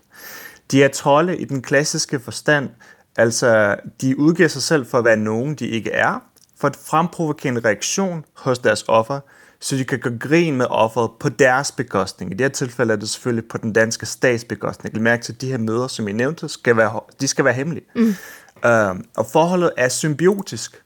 Fordi, øhm, som minimum symbiotisk, øh, fordi Vavana Lexus leverer indhold på øh, tidligere YouTube, men nu i høj grad også RuTube, øh, som øh, de statskontrollerede medier så tager op, samler op, for at styrke deres egen propagandanarrativer. For eksempel et propagandanarrativ om et dekadent Vesten, hvor de har sex med dyr, øh, en Vesten, der er lige ved at kollapse, og selvfølgelig nu også et Ukraine, der er lige ved at kollapse på grund af problemer her. Så de to lever side om side, og selvfølgelig hvordan Lexus de får noget igen. Fordi når statskontrollerede medier samler de her historier op, jamen så er de også med til at booste, til at synliggøre hvordan Lexus. Mm. Det er det, jeg mener med et symbiotisk mm. forhold, som minimum. Og, og de retter jo til synligheden helt aldrig deres satire indad. Altså, vi har til gode at se dem narre russiske politikere eller magthavere, ikke? Altså, så altså, er de blevet en form for forlænget satirearm for Kreml, vil du sige? Det er kort sagt ja. Øh, øh, uden tvivl. Og øh, læg mærke til,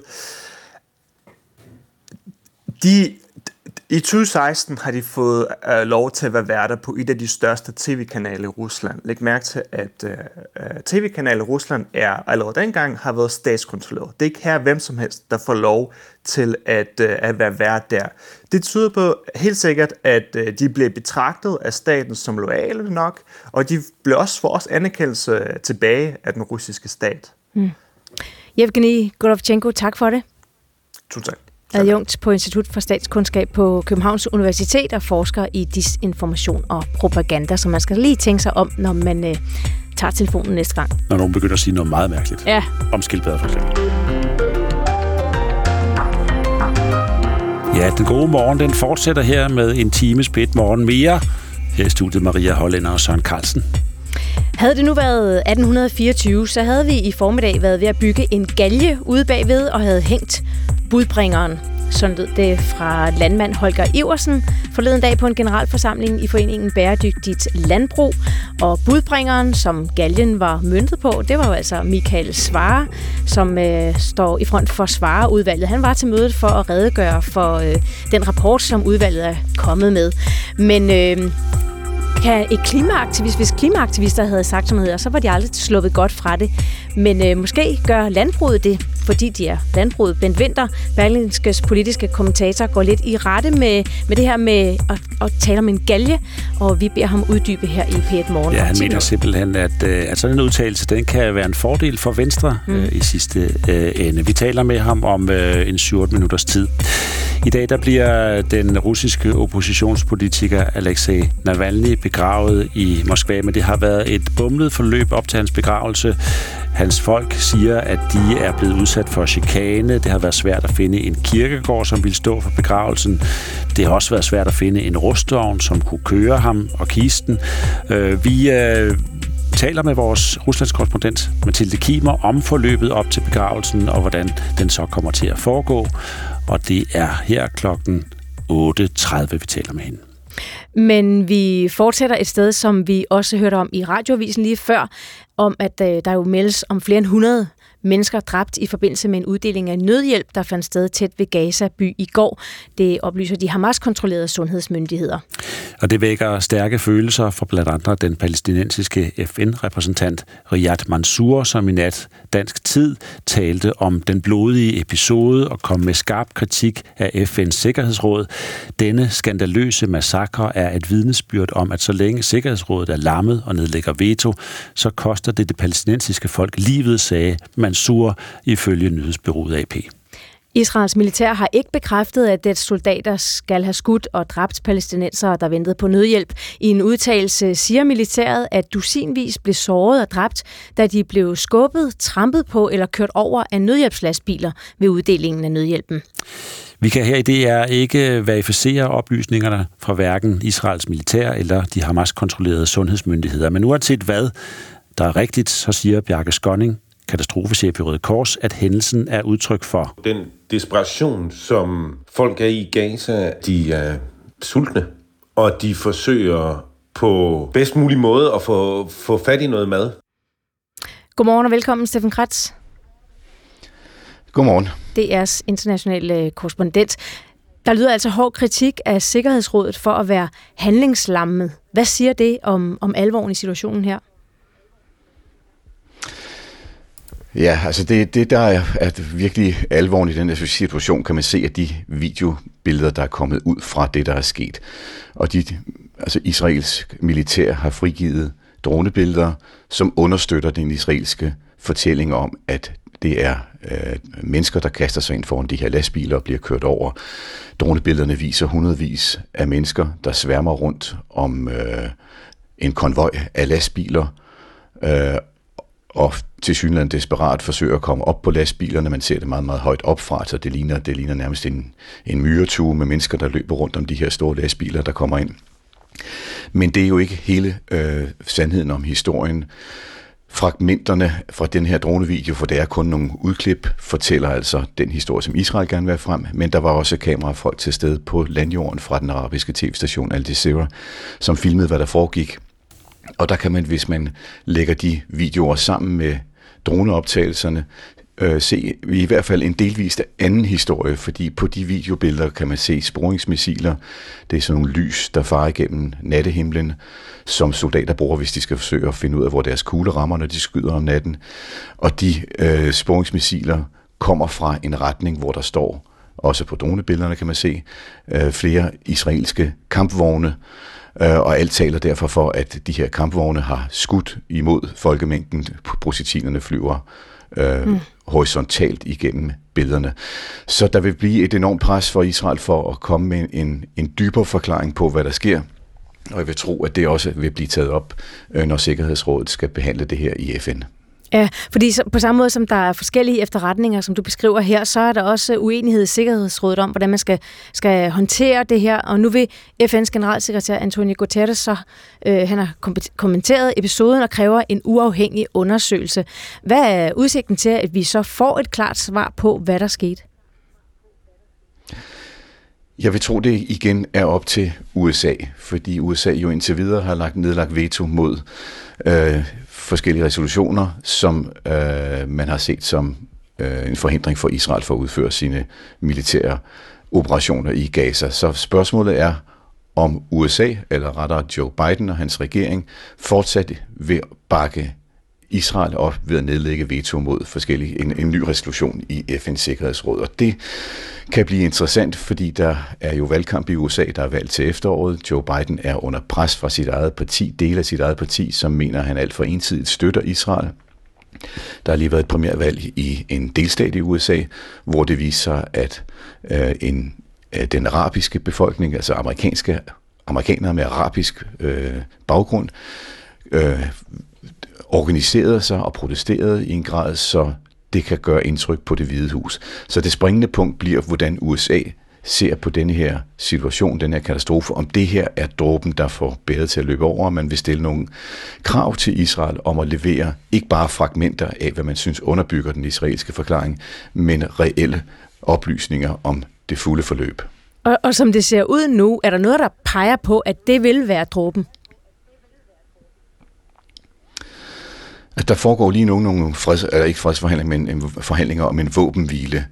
Uh, og det kunne jo være det her der element måske, der spiller ind i den våbenhvile. Jeg vil i hvert fald antage, at presset for Israel for at levere noget tilbage oven på den her katastrofe, altså give efter på en eller anden måde, vil vokse.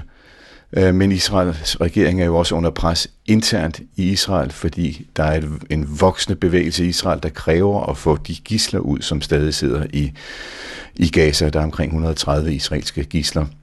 Og det er jo en del af våbenhvileforhandlingerne, at Israel vil have gisler ud, mod at Hamas til gengæld får en pause i kamphandlingerne. Så jeg vil tro, at den her situation spiller ind i det pres, på Israel, og spiller ind den forhandling, der foregår, og at presset på Israel, måske også fra USA, for at indgå en våbenhvileaftale, vil øges. Mm. Så, så hvor afgørende bliver den uafhængige undersøgelse? Ja, altså nu skal der først etableres en uafhængig undersøgelse, og så er det jo spørgsmålet om at den øh, magt, som styrer, hvad der foregår i Israel, rent faktisk vil medvirke. Det, der er jo øh, svært i den her situation i forhold til for eksempel tidligere krige i, i Gaza, er, at Israel hermetisk har lukket øh, gasestriben af for den internationale presse. Der har foregået en krig nu i 4-5 måneder, men der har ikke været vidner øh, fra den internationale presse til stede for at dokumentere, hvad der foregår derinde. Og det er markant anderledes end andre lignende krigssituationer.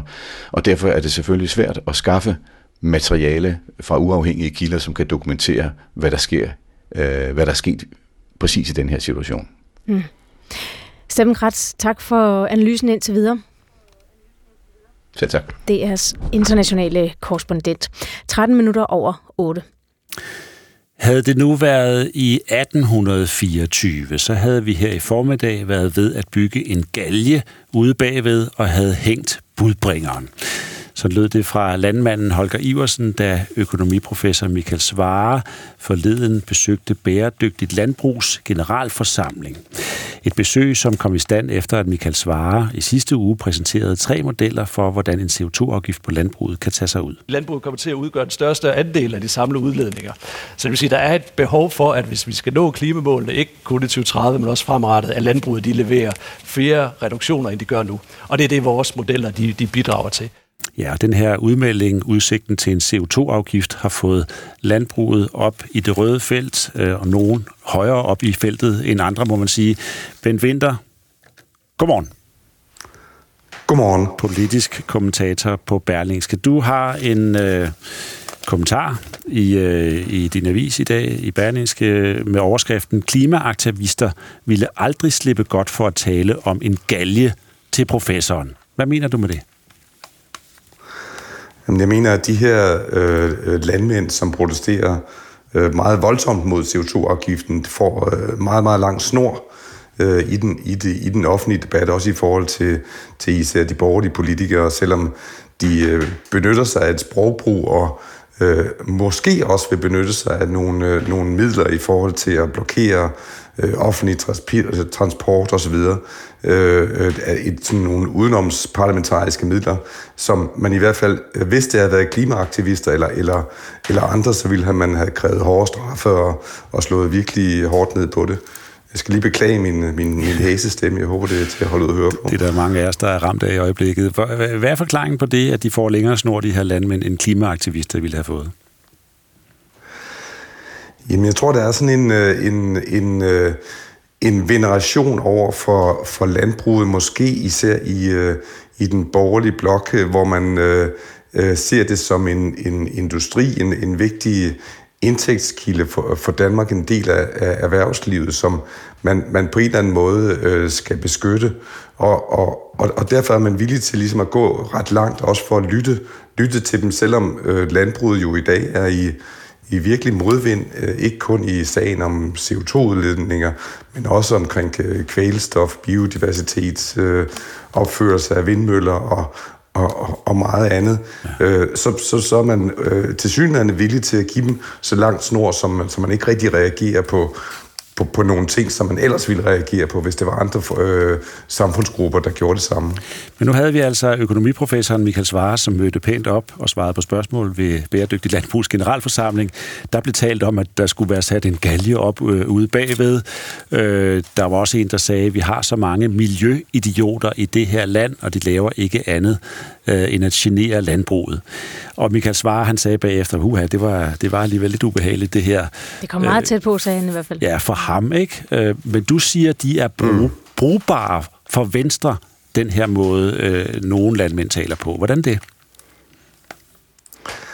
Altså nu er det jo så nedsat den her, den her grønne trepart, Altså, jeg tænker, hvis når vi når hen omkring øh, juni måned, hvor, hvor de skal være færdige, og, og debatten så for alvor kommer i gang om, hvad det er for en model, øh, øh, der skal, så skal indføres, så tror jeg, at det vil være en hjælp for Venstre, hvis landbruget for, øh, fremstår som yderliggående, som nogen, der er villige til at tage, tage nogle øh, midler i brug, køre deres traktor hen over Storebælt og blokere øh, offentlige veje, som der er nogen, der truer med.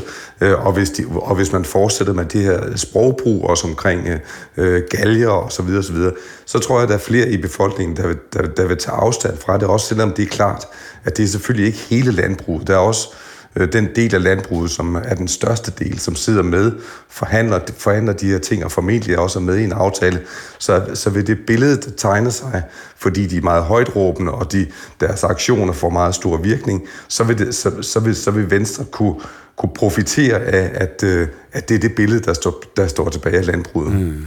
Synes som du, nogen, at, man, øh, man, man ikke rigtig kan stole på. Synes du, det her det tegner et billede af, at, at landbruget faktisk er ved at placere sig selv på en eller anden, en eller anden isoleret position som, som øh, et, en, en ekstremistisk part i debatten? Nej, det synes jeg ikke. Jeg synes, jeg synes den, store, den store del af dansk landbrug, som er repræsenteret i dansk landbrug og fødevare, øh, øh, virkelig går ind og tager et øh, ansvar for, at landbruget udleder en tredjedel af vores øh, CO2 øh, øh, øh her, her i landet, og går ind i de her forhandlinger med, med et, et, et, et åbent sind og en, og en konstruktiv øh, øh, håb om, om, at det skal lykkes. Men der er nogle, der er nogle lommer, og der er nogle, nogle grupper i landbruget, som, øh, som er, er meget yderliggående, og som også er parat til at tage nogle, nogle midler i brug. Og vi ved jo, at det ofte er den, dem, der, der råber højt, og råber så højt, der kommer til at, at tegne billedet, og det, det bliver det, ligesom det, der står i, i folks bevidsthed om, at, at, at det, det er sådan, landmænd er. Men det er bestemt, bestemt ikke hele landbruget. Ja, fordi man kunne også argumentere for, at det kunne presse Venstre, når landmændene er så vrede, som de er. Altså, det kunne blive sværere at indgå et kompromis om en CO2-afgift. Ja, det, det, det, altså min, min vurdering er, det, der vil være nogen, der hopper med på den vogn, og, og, og vi kan også se, at, øh, at det Inger Støjberg og Danmarksdemokraterne jo øh, øh, lægger sig tæt op på den her, øh, ikke måske sådan de udenomsparlamentariske, men i hvert fald den her linje om at, at sige fuldstændig nej til en, en, en, en CO2-afgift. Så det er klart, selvfølgelig har man fat i nogen. Øh, jeg tror så, det er nogen, der måske allerede har øh, valgt øh, øh, Venstre fra, men jeg tror, effekten af det er, at dem, der bor, og måske også dem, der bor i, i øh, yderområderne, i landdistrikterne, øh, vil sige, det er ikke det her, det er ikke det landbrug, vi kender, det er ikke det, er ikke det landbrug, som, øh, som tegner os øh, i, øh, øh i, i, i hverdagen, eller, eller, og heller ikke i den offentlige debat. Og på den måde tror jeg, at, at, øh, at den splittelse, som det her også er udtryk for i, i, i landbruget, den kan øh, Venstre profitere af. Ja, og en splittelse, som måske også i et eller omfang findes øh, i, i Venstres øh, bagland, og som også findes øh, mellem de politiske partier. Øh, I regeringen, der ser man afgiften som en nødvendighed, men i Inger Støjbergs parti, Danmarksdemokraterne, der kalder de svareudvalgets modeller her for en krigserklæring mod landbruget simpelthen. Hvordan øh, undgår Venstre, at øh, vælgerne, nogle af dem i hvert fald, søger over mod Danmarksdemokraterne, som måske i højere grad lykkes med at række ud til nogle dele af distrikterne? Altså, det, det, det tror jeg ikke, Venstre kan undgå. Altså det, det, øh, det vil ske, der er en del af dem, øh, øh, som er i, land, i dansk landbrug, som, øh, som er, er meget forbitret over, over det, der sker. De, de, vil, de vil smutte øh, øh til Danmarks Demokrater eller, eller andre steder. Øh, øh, min, tro, altså, hvis Venstre igen skal være et, et, et stort parti, så bliver man nødt til at appellere til andre vælger, vælgergrupper. Også dem, der bor i byerne, også dem, som øh, ikke øh, øh, øh sympatiserer med den her del af, del af landbruget.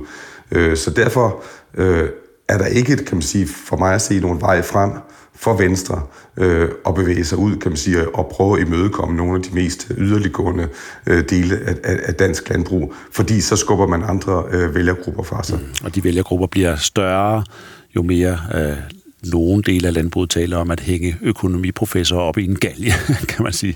Ben Winter, ja, lige præcis. Ja, tak skal du have for at være med. Velbekomme. Politisk kommentator hos Berlingske.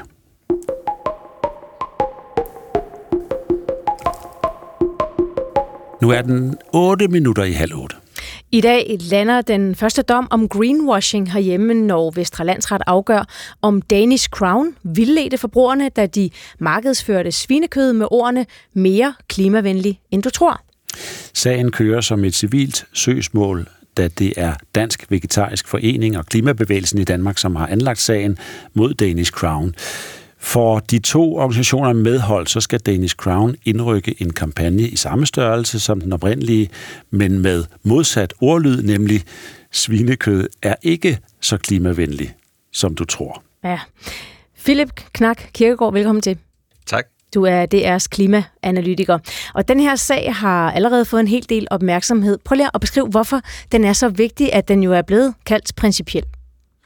Ja, det handler jo altså hvis vi skal helt op på en helt stor klinge, jo om tilliden til den grønne omstilling. Der er jo rigtig mange af os forbrugere, når vi går rundt og kigger i køledisken og på hylderne og sådan noget, så vil vi jo gerne foretage et grønt valg som forbruger. Og det kan jo være ret svært at finde rundt i den der jungle, hvis der ikke er styr på, hvad det er, de her producenter, de påstår om deres øh, produkter. Og øh, hvis du som forbruger går rundt og simpelthen ikke aner, hoved og hale i alle de her forskellige grønne markader, der kan være, og påstanden, så kan du også miste tilliden jo til, at du kan gøre en forskel for den grønne omstilling. Mm. Og derfor er det en ret central, sag. Men der findes jo allerede regler i markedsføringsloven om, at øh, man ikke, altså det skal være troværdigt, måden man markedsfører sine produkter på. Så, så hvorfor er det her så, så ekstraordinært? Det, der er interessant her, det er, at der findes nogle regler, og de har faktisk eksisteret i lang tid, men myndighederne har været enormt dårlige til at håndhæve dem. For det første har det været svært for virksomhederne overhovedet at finde ud af, hvad de kunne sige og ikke kunne sige. Ellers, det er i hvert fald det, de har sagt. Øh, der har været nogle regler, men de har stået i nogle måske lidt længere rapporter og sådan noget. Og myndighederne, de har så forsøgt at gøre det nemmere at forstå for alle virksomheder at lave sådan noget, de kalder en quick guide for eksempel. Men så er der så også et andet problem, som handler om, at der har simpelthen ikke været nok folk i embedsværket til at, at holde, øh, holde styr på de mange påstande, der er. Når der er løbet klager ind til forbrugerombudsmanden, til Fødevarestyrelsen osv., så er de, de er ikke blevet syltet bevidst, men de har simpelthen ikke haft kræfter nok til mm. at, at håndtere dem. Og så er der altså masser af organisationer, som har sagt, hvad, hvad, altså det kan, ikke, det kan ikke passe det her, og så har de så taget sagen til domstolene. Og det ser vi faktisk flere af, flere tilfælde af internationalt også, at organisationer, klimaaktivister osv., de går til domstolene og lægger sag an mod ikke bare virksomheder, men også mod medlems, altså mod, mod lande og så videre, for ikke at, at, at have styr på deres klimasager. Mm. Og det er jo først klokken øh, 10, vi får dommen. Hvis nu de to øh, civilsamfundsorganisationer får medhold, så kommer det ikke kun forbrugerne til gode, det er også godt nyt for nogle virksomheder, mener du? Hvorfor det? Ja, altså i virkeligheden er det jo i alles interesse, at der ikke er virksomheder, der går rundt og smører om sig med nogle øh, lånte grønne fjer. Fordi du har jo faktisk også en masse virksomheder, som forsøger at gøre noget godt for klimaet. Og de skal selvfølgelig have mulighed for på en troværdig vis at fortælle om det. Og de får jo sværere ved det, hvis de har en masse konkurrenter, som påstår at gøre det samme eller mere, men hvor der ikke er hold i det. Så af hensyn til for eksempel danske virksomheders konkurrenceevne øh, ude på et marked, hvor de har brug for at sige, vi bruger altså en masse penge på det her, og derfor så kan du øh, trygt vælge vores produkt frem for et andet. Altså det, også, det må også være i deres interesse, at der er styr på det her. Mm. Men, men omvendt, det kan jo også være, at Danish Crown øh, vinder, altså for lige, at det var i orden, og, og øh, reklamere på den her måde, altså sige, mere klimavenlig, end du tror. Så øh, hvilke perspektiver vil det åbne? Ja, altså det er jo, at der er en masse gråzoner i det her. Der er jo en lang række områder, hvor det for os forbrugere er ret nemt at forholde os til, om er det her godt eller dårligt for klimaet. Øh, nu ved jeg godt, at elbiler, der har været diskussioner om, hvor langt man skal køre en elbil, for at det er grønt eller ej, eller sådan noget. Men for langt de fleste danskere vil det give rigtig god mening for klimaet, hvis du køber en elbil. Og det ved de fleste. Men så er der en masse gråzoner. Lad os nu sige, at en tekstilproducent betaler et rederi for at få fragtet tekstil fra Bangladesh til Danmark med et grønt brændstof, eller i hvert fald mindre klimabelastende brændstof. Hvordan skal de så fortælle om det på en god måde? Altså, kan de så øh, påstå, at øh, de gør noget godt for klimaet? Ja, på en eller anden måde, så har de, vi har vel alle sammen interesse i, at de får, hvad kan man sige, øh, forbrugernes øh, velvilje og så videre, for at der faktisk træffe et grønt valg i den sammenhæng. Men omvendt, så den tekstil, som der er er, har jo i sig selv en klimabelastning at få produceret. Det, altså, der findes ikke noget, øh, grønt, nogen grønne tekstiler, men det er der rigtig mange tekstilproducenter, der har forsøgt at give et indtryk af med grønne fjer og øh, forskellige signaler. Og men noget. bliver det så det vilde vesten, hvis øh, Danish Crown får medhold, så kan man så bliver det svært at vide, hvor man trækker grænsen? Nej, det vil jeg ikke mene, fordi der er allerede sket en opstramning. Øh, for eksempel så har forbrugermødsmanden lavet, øh, de har fået flere øh, flere medarbejdere til at slå ned på, en, på sager, og nu det ser vi også i højere og højere grad, at nu begynder virksomheder at få bøder. Og så kommer der så også strammede regler på det her område. EU-kommissionen har for eksempel øh, kigget på en masse grønne øh, certifikater, og så har de set på, leverer de faktisk noget godt for kloden. Og så er de kommet frem til, at halvdelen af dem, de kiggede på, der var der, de var faktisk ikke det øh, emballage værd, som de er tryk på. Og øh, det er jo selvfølgelig noget juks, og det forsøger de at sætte ind på og har strammet reglerne. Og for eksempel det her med at kalde, øh, kalde et produkt for CO2-neutralt med klimakompensation, det er der også regler på vej om fra EU, og som medlemslandene og som EU-parlamentet har bakket op om, at det skal man ikke kunne gøre fremover. Så der er der, der skal en opstramning lige nu, og den her retssag, det er der, hvor den der gråzone, hvor kan man gøre det, eller kan man ikke gøre det, og sådan, hvor jeg vurderer, at altså, uanset hvad, om dommen går den ene vej eller anden vej, så vurderer jeg alligevel, at der er sket en opstramning, og der er blevet en bedre styr på de her gråzoner. I virkeligheden handler det bare om, at virksomhederne de skal være mere konkrete i, hvad de fortæller om, de skal ikke sige, at øh, det her produkt er godt for kloden. Nej, de kan sige for eksempel, vi har betalt Mærsk for øh, grønt brændstof. Mm. Men vi ved stadig ikke, om det er okay at sige, mere, altså dit svinekød er mere klimavenlig, end du, tro, end du tror. Det får vi opklaret, når klokken bliver 10, og dommen, dommen falder. Philip Knak Kirkegaard, tak for besøget. Selv tak. Det er klimaanalytiker. Alle fire kroppe er voldsomt forslået og flere steder titter hvide knogler frem under huden. Få krimi-historie fra det virkelige liv. De bor i fattighuset Staksted Hedehus, isoleret fra landsbyens andre beboere. Man har set de her mennesker også som en stor byrde for samfundet.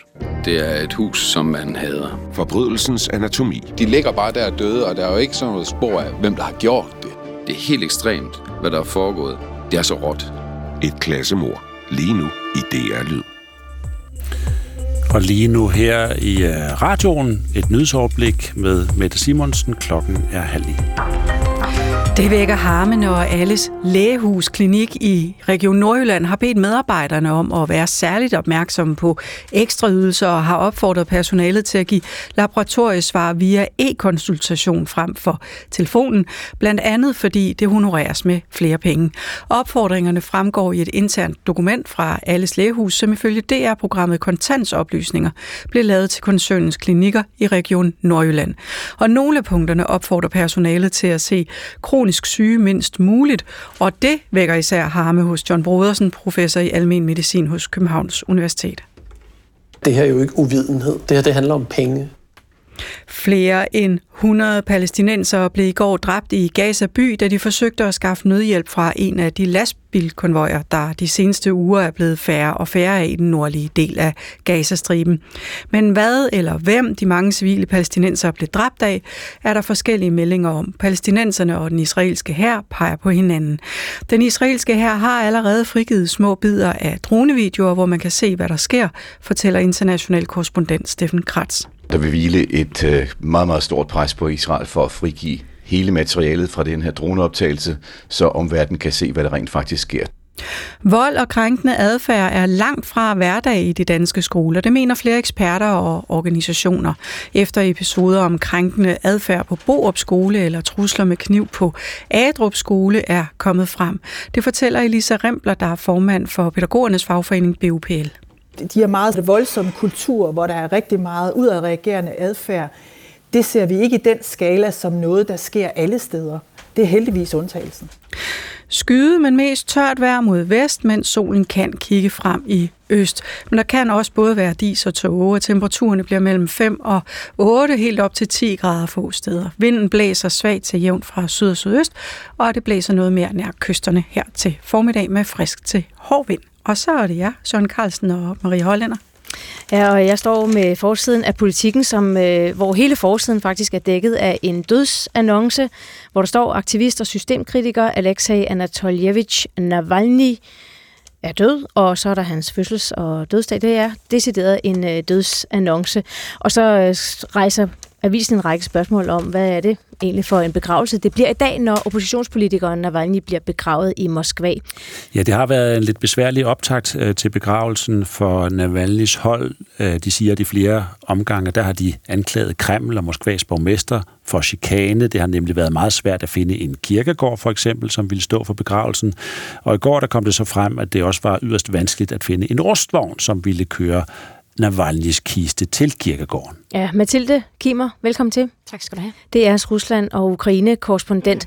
Hvorfor har Navalny's hold haft så svært ved, at, altså, ved mange elementer i den her begravelse herunder, så finde ud af et, et sted at begrave ham?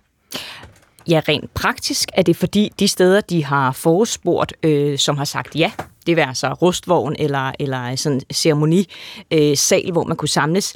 Øh, for de steder, der, der startede med at sige ja, er derefter blevet ringet op af folk, der, vil, der fortæller, at det vil være bedst for dem at lade være med at udføre nogle former for, for opgaver for Navalny øh, stab. Altså, og det er jo, ifølge, ifølge staben og hans familie, så er det jo øh, FSB, altså det er, det er folk fra Sikkerhedstjenesten, der bevidst forsøger at og, og gøre det umuligt at få det her til at blive et stort event. Mm. Og er det, altså, hvad er det for en trussel, der ligger der?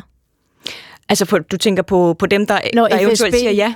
Ja, præcis. Jamen, det er, at man kan lukke deres forretninger. Altså, det har vi set masser af gange, at folk, der ligesom strider imod, at, øh, at der kan komme alle mulige konsekvenser for dem. Oftest vil det være, at deres butikker bliver lukket. Det kan være, at der lige pludselig så var der ikke de otte brandudgange, som, øh, som det krævede, eller der var en gammel skatteregning eller parkeringsbøde, der ikke var blevet betalt. Altså, man kan altid finde på nogen øh, på måder at komme efter folk på den ene eller den anden måde, og langt de fleste vil jo bare bukke af og sige, Nå, så, så melder jeg bare fra. Mm.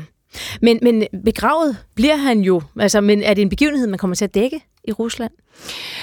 Ja, ikke hvis du er et statsmedie. Altså, jeg kan jo se, at, det, at de små kritiske medier, som har øh, enkelte utrolig modige øh, journalister eller rapporter, de står der jo allerede og, øh, og beskriver, sender billeder og video hjem, hvor man kan se, at der allerede er et massivt opbud af forskellige typer af, af sikkerhedsfolk, både almindelige politibetjente, færdselsbetjente og de her Amon øh, kampklædte betjente, som er klar til at tage imod, hvor mange der nu end har tænkt sig at dukke op i dag. Ja, hvad forudser du, at det bliver for et arrangement?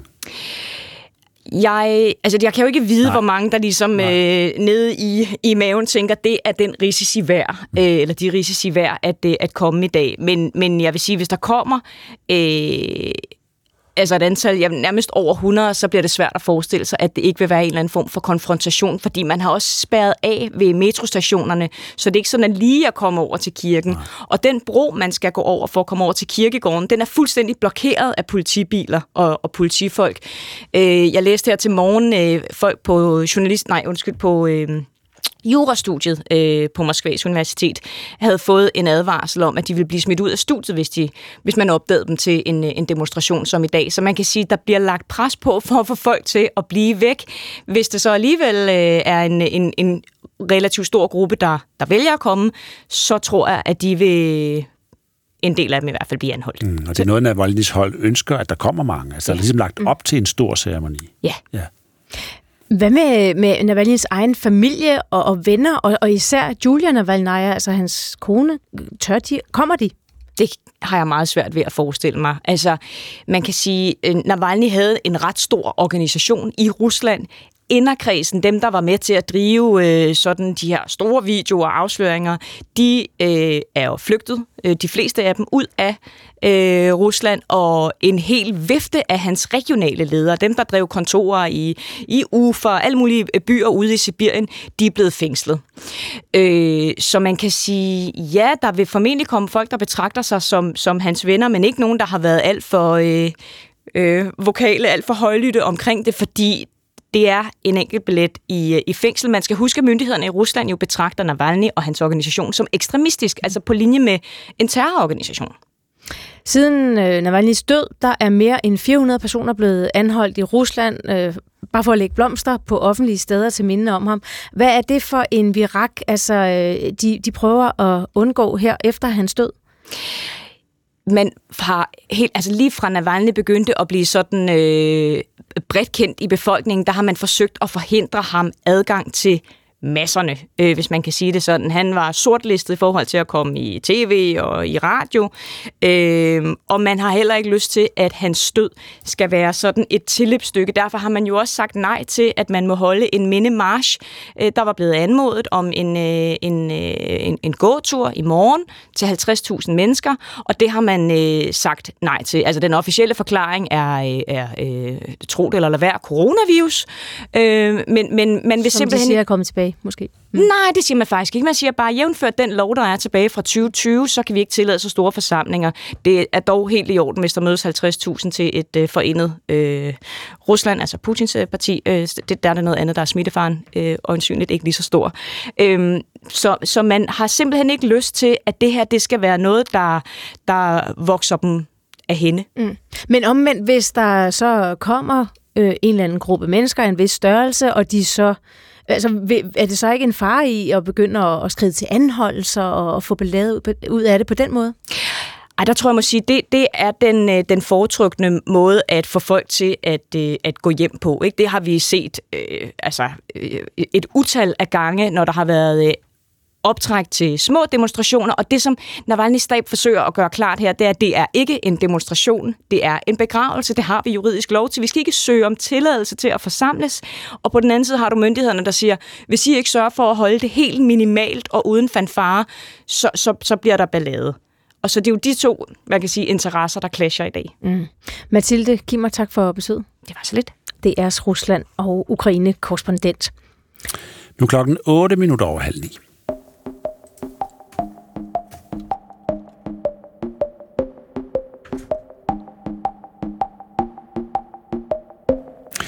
Man kan godt blive øh, helt stresset, hvis ens kalender er spækket med aftaler hver eneste dag langt ud i fremtiden. Men hvis der så omvendt er for mange huller i kalenderen, så kan man føle, at man går glip af noget. Og hvis man har det her, hvis man har det her indre dilemma i sig, så kan man måske lide af det, man kalder kalenderangst. Ja, Kalenderangst, det er simpelthen et begreb, som øh, den studerende Sarina Gren Lorentzen introducerede i en klumme i politikken forleden. Og vi talte med hende tidligere på morgenen.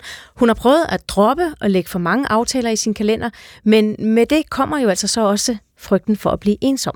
Det er den følelse af, at kalenderen bliver sådan klaustrofobisk. Altså det er som om kalenderen overtager dit liv. Det... Var der en konkret situation, hvor det gik op for dig? Ja, det var nemlig, at jeg følte ikke, at jeg så frem til ting længere. Jeg glædede mig ikke til det. De skulle nemlig bare krydses af, og hvis der kom en... De håbede sig bare op, og så lige pludselig så var jeg sådan... Det her, det... Jeg kan ikke, jeg, det er svært at trykke på håndbremsen, fordi det kører bare ud af, og det er sådan, jeg har levet, at det er sådan livet, altså samfundet meget er, og sådan, man kan bare ikke stoppe op, fordi hvis du melder dig ud, så, så står du bare alene tilbage. Jeg vil prøve at beskrive, hvad var det, der fik dig til sådan at, at få alle de her aftaler mm. hver eneste dag i kalenderen? Jamen altså, jeg prøvede jo ligesom at følge, op, at jeg skulle leve op til det her sådan, ungdomsideal. Altså følelsen af at øh, den perfekte ungdom, for du får at vide, at det er nu, du skal leve, og du har kun lige nu, og man føler nærmest, at man skal nå at leve et liv, inden du har fyldt 30, fordi når du er 30, så får du børn, og så går du bare, altså sidder du bare derhjemme. Så du skal bare være afsted hver weekend, og hvis du ikke er det, og du bare sidder hjemme, så får man den der FOMO og altså dundrende ensomhed, og ja, det kan være hårdt at sidde med at navigere i, fordi altså man vil ikke have ensomheden heller jo, så det var sådan hele tiden, du skal veje op, men, øh, men man kan heller ikke bare fortsætte. Mm. Ja, du skriver i øh, din kronik, øh, jeg citerer, Mandag til træning. Tirsdag ses med en veninde. Onsdag en anden veninde til kaffe og aftensmad med en tredje. Torsdag med kæresten. Fredag i byen. Lørdag arbejder i byen. Søndag hos forældrene. Hvad skete der, da du begyndte at slette øh, nogle af de her aftaler i kalenderen? Altså jeg begyndte nemlig at være mere sådan, kunne være mere til stede og sådan glæde mig til tingene, og jeg følte, jeg fik mere overskud. Øhm, prøve også at hvile lidt i, at måske ikke have en weekend uden planer, men det er stadig lidt angstprovokerende, fordi det er som om, at ens venner bare ikke lige kan på dagen. Sådan, hvis man prøver at spørge dagen før, så var det sådan 9 ud af 10 gange, at Ej, det kan jeg ikke, men altså, jeg kan her om øh, tre uger eller et eller andet, hvor man er sådan, jamen det, det kan jeg da ikke sidde og tænke over lige nu. Jeg ved jo ikke, hvad jeg har energi til den tid, men, men man kan være måske være tvunget til at lave den aftale, fordi hvornår skal jeg se mine venner ellers? Øhm, og så kører det jo bare ud af. Men fik du det bedre ved at slette aftaler, eller fik du bare angst for at af noget? Jeg synes, jeg fik det bedre, fordi jeg synes, jeg var mere mig selv, når jeg var til stede ja. i det. Men jeg vil også sige, at jeg fik det også dårligt, fordi at lige pludselig sad jeg også bare en weekend alene. Ja. Altså, det var virkelig sådan knald eller fald. Ja, det var heller ikke rigtigt til at bære. Mm. Hvad er det, du gerne vil fortælle med det her opråb, som du kommer med i politikken? Jamen, jeg vil gerne vise det der med at være ung, og det der med, at du skal prøve at leve op til den her perfekthedskultur med, hvordan du skal leve et ungdomsliv. Man skal prøve lidt at finde ud af, hvordan er man ung, og hvad, hvad, hvad er den perfekte ungdom, og så man flyver rundt og ser alle ens venner være i byen hele tiden, og det føler også man, man selv, man burde, så du får, og hvis du ikke gør det, får du FOMO, men samtidig har du også en konstant dårlig samvittighed over, at du så kommer til at nedprioritere altså dine venner og din familie, fordi du måske prøver at prioritere den ungdomsliv så meget, at så går det ud på ud over nogle andre parametre. Men hvem er det så, du vil råbe op? Jeg vil gerne råbe op øh, de unge, for jeg vil gerne vise dem, at, at man kan godt trykke håndbremsen, men man skal måske også lidt gøre det fælles. Altså, man kan ikke gøre det som en person, der jeg jo prøvet, men man har måske lidt brug for at lidt mere dele nogle venner ind i det, øhm, så vi ikke går ned. Ja. Så det er lidt en epidemi, du mm. ser blandt dine venner her, kalenderangst. Ja. I, de, I din egen historie, der øh, på et tidspunkt for fire år siden, der bliver det for meget for dig. Du får det skidt, og du ender med at søge hjælp hos en, øh, en psykolog. Mm. Hvor, hvor, hvordan havde du det? Men jeg, jeg havde ikke rigtig nogen sådan lyst længere til at lave nogle ting. Altså jeg lå, isolerede mig bare. Jeg havde sådan en, en sommer, hvor jeg egentlig bare lå derhjemme og så ser jeg og ikke lavede noget som helst, fordi jeg havde ikke lyst til noget. Jeg havde lidt mistet øh, ideen, eller følelsen af, hvad det egentlig relationer giver mig. Så jeg skulle sådan helt øh, genopfinde øh, glæden eller genfinde glæden ved relationer igen. Hvad er det, det giver mig som menneske? Det er ikke noget, jeg skal hakkes af. Det er ikke noget, jeg skal, sådan, jeg skal, jeg skal ikke leve for mine relationer. De skal sådan leve for mig, eller hvad man siger. Sådan, jeg skal passe lidt mere på mig selv. Det sagde altså Sarina Gren Lorentzen. Og ifølge Anne Gørlich, lektor ved Center for Ungdomsforskning på Aalborg Universitet, så skriver Sarinas begreb eh, kalenderangst sig ind i en større samfundsmæssig tendens. Hvis man skal forstå det, så er man også nødt til at forstå sådan nogle lidt bredere samfundsmæssige øh, tendenser, som spiller ind, ikke kun i den her unge kvindes liv, men i vores allesammens liv, øh, som handler om dels det, at tempoet er forøget. Der er mange ting, vi skal hele tiden. Den der øh, to-do-liste, at hun beskriver, øh, gælder for os alle sammen, og det gælder på alle mulige områder, så det gælder både i uddannelse og på arbejde, og så også i privatlivet. Og det er klart, at det skaber en overbelastning. Øh, og så, så beskriver hun også det her øh, præstation, som siver ind også i relationerne. Altså, så det handler ikke kun om det at være sammen med nogen, men det handler også om at kan vise, at man er sammen med nogen, og at man, at man også er på, når man så er sammen med nogen. Det øger jo selvfølgelig også overbelastningen. Ikke? Og det sidste så, øh, sådan større samfundsmæssige forandring, vi også har set, det er, hvordan vi så øh, kobler sådan nogle psykologiske og diagnostiske begreber på det her og kalder det angst. Mm. Øh, og det tager den ligesom et nyk op i forhold til øh, den lidelse, hun så kan føle, at det er der noget galt med mig. Og det også peger pilen på hende. Det er hende, der ikke kan finde ud af at navigere i det her, øh, i stedet for at kigge på de her, netop de her lidt større samfundsmæssige øh, tendenser, der spiller ind. Ja, det er virkelig det, hun forsøger på her. Så ja. nu har jeg gået og døjet med det her, men jeg har fundet ud af, at sådan har mine venner det også. Og så skriver hun kronikken som et slags opråb til sin generation. Hey, hvad er det, vi har gang i her? Er det særligt et, et, øh, en angst, man kan se, hvis man kan kalde det det, som opstår øh, i ungdommen, eller er det os alle sammen, der lider lidt af det? Øh, altså, hvis du kigger på stresstallene øh, for voksenbefolkningen, så er det jo også i høj grad også voksenbefolkningen. Så det ligger jo i kulturerne, øh, men det ligger også i strukturerne. Altså, så der hele tiden er mange ting, vi skal.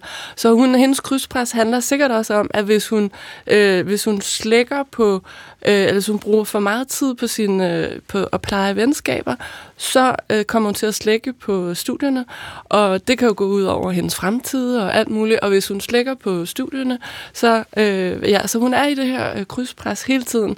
Øhm, men man kan jo også sige, hvis nu vi går med på præmissen om, at accelerationen og tempoet er forøget for os alle sammen, og vi alle sammen har de her eksploderende to-do-lister, hvem er det så egentlig, der har ansvaret for at lære de unge, og børnene i øvrigt også, øh, hvordan man navigerer i det her? Ikke? Hun har fået kalenderen, kan man sige, ikke? Ja. men men, så propper hun bare, den bruger hun til at skabe overblik over alle de aftaler, men hun bruger den ikke til at sortere i dem, eller, eller sige nej.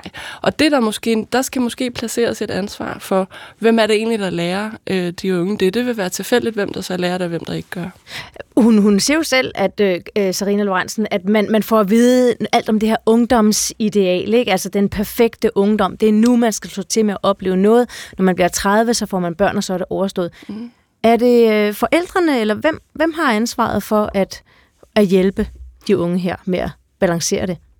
Altså, selvfølgelig har forældre en del af ansvaret, men, men, jeg, men, men jeg tror, at hele den her præmis om, at vi alle sammen er en del af den her acceleration, er jo mm, måske ikke noget, vi taler nok om, eller vi taler i hvert fald ikke om, hvordan vi, vi håndterer det, og, og får sat spot på, og det, det er jo det, hun prøver at gøre her, ikke? Og, og altså man kan sige, men, men forældrene er måske ikke klar over, at det er en opgave, at de faktisk skal tage på sig, og så vil det være nogen, der ikke har ressourcerne heller til at lære deres børn det. Så, så der er jo noget med, at der måske også er øh, altså, ja, hvad vi er i uddannelsessystemet. Jeg ved ikke, hvor at ansvaret skal placeres, men, men jeg tænker, der er behov for at tale om, øh, i hvert fald, og hvordan vi lærer unge at navigere i sådan et accelerationssamfund. Lød det fra Anna Gørlich, lektor ved Center for Ungdomsforskning på Aalborg Universitet.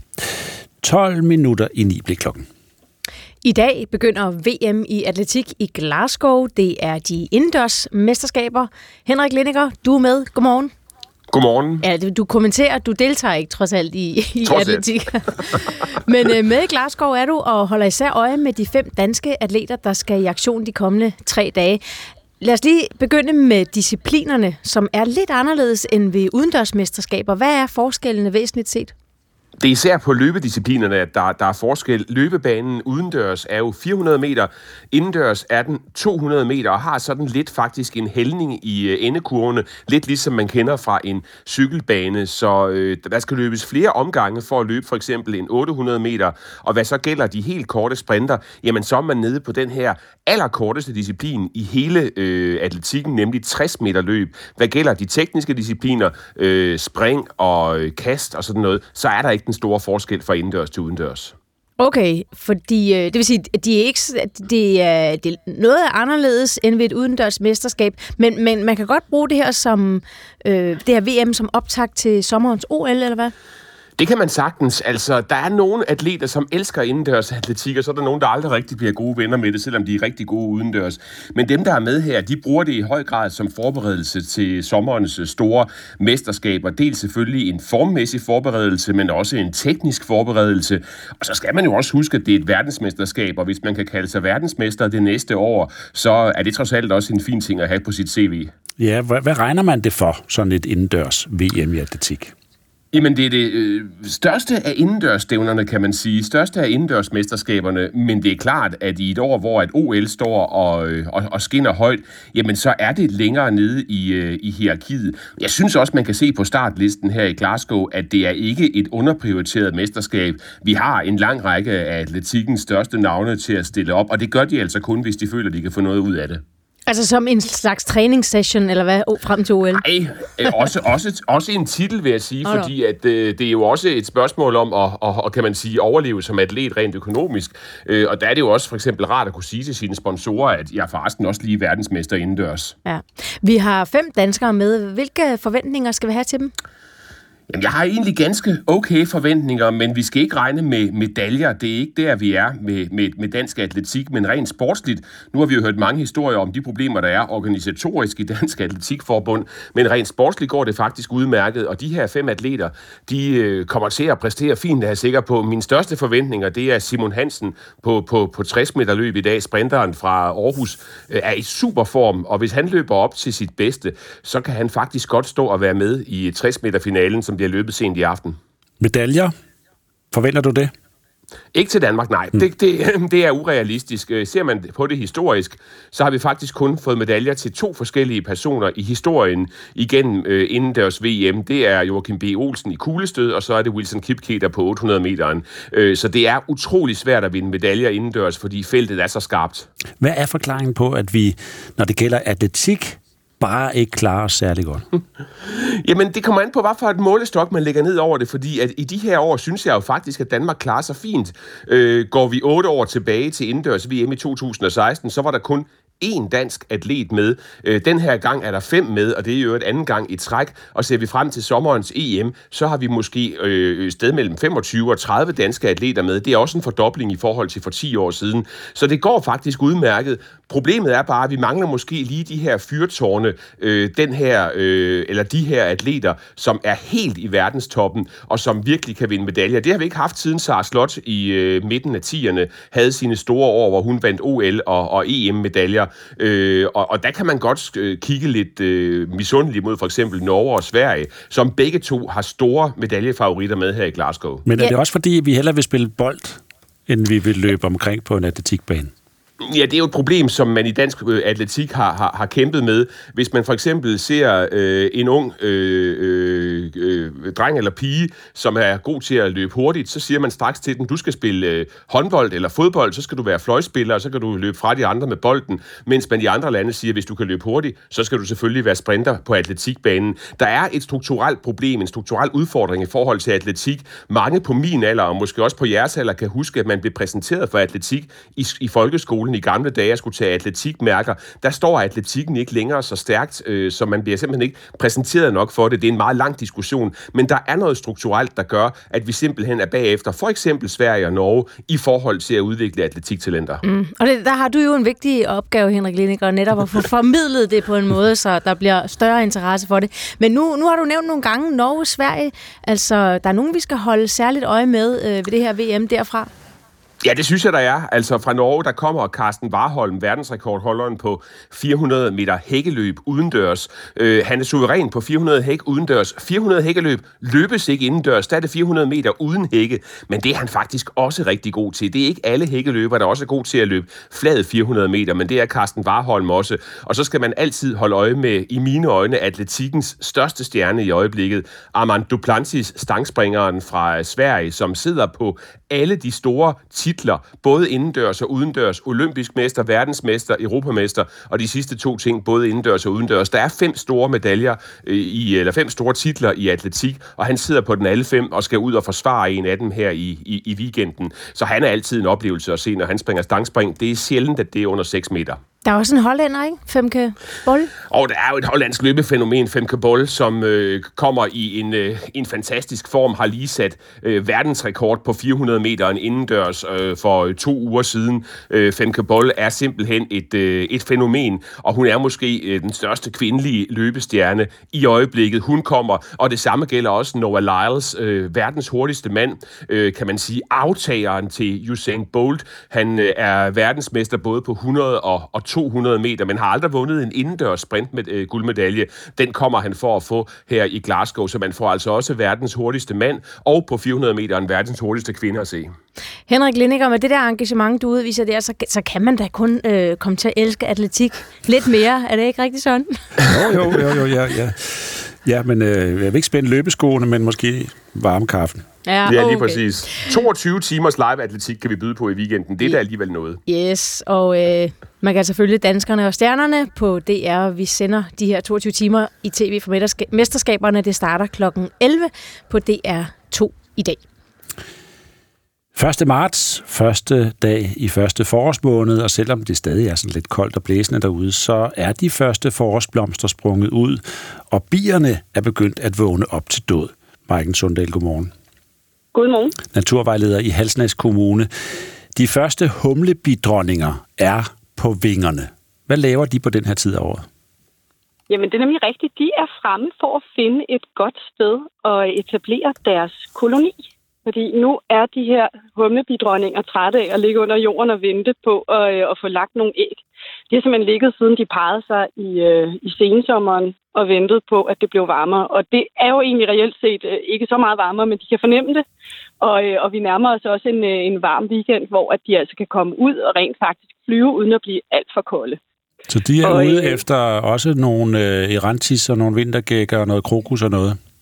Lige præcis. Alt det der, man ser derhjemme i haven, og hvor man også begynder måske at kunne være heldig og, øh, og fornemme en, en summen. Og så er der også ude i naturen de her pilegæslinger, som man jo også kan trække ind i haven, hvis man, øh, hvis man har nogle piletræer. De er sindssygt populære hos øh, særligt humlebierne og de andre tidlige vilde bier, der kommer ud og skal bruge noget pollen og noget nektar for at få energi til de her. Og de har ligget under jorden, de her humlebier. Er det jordhumlebier en særlig art? Ja, det er nemlig sådan, der er to øh, arter af det, der hedder jordhumle, og det er smadret svært at kende forskel. De hedder lys og mørk jordhumle. Den ene er lidt mørkere end den anden. Men hvis man ser sådan ordentlig klippert af en humlebi, så er det typisk den, der hedder mørk jordhumle. Og den, øh, altså, der er nogle gange, hvor folk de sådan er helt sådan, ej, der må være god næring i de blomster, siden de kan blive så store. Men det er altså fordi, det er en af de store arter af humlebier, vi har derhjemme. Øh, og, øh, og de findes i hele landet det er simpelthen ud og, øh, og både lytte efter de der øh, ret, øh, ret kraftige summelyde, og så, øh, og så kigge efter en, en ordentlig klippert af en øh, humlebidronning. Og hun leder simpelthen efter huller lige nu, hvor hun kan lægge sin æg. Nogle gode, øh, gode redegange, hvor hun simpelthen kan komme ind og, øh, og lægge æg og varme dem op, og så der er lidt isoleringsmateriale til hendes yngel, som altså også skal bruge varme for at klare sig. Der får hun øh, åbenbart lidt hjælp til at finde Jamen, det de redde muligheder der. Ja, og det er sjovt, ikke? Fordi man, øh, man skulle tro, det var et eller andet lækkert sted, hvor hun lagde sig. Og det, og det er det også for hende. Hun kan simpelthen dufte museurin. Hun er sådan helt specielt udviklet til at kunne dufte musetis, som jo så er nede i de her gode gange, hvor musene har været i løbet af vinteren og har ligget og gasset sig. Så, øh, så det går hun målrettet efter, fordi ellers så ville hun jo skulle øh, slæbe en hel masse redmateriale rundt og flytte rundt på det og sørge for, at der var et godt sted til, til ynglen. Så hun snyder simpelthen lidt ved at, øh, at gå ind og finde en gammel muserede.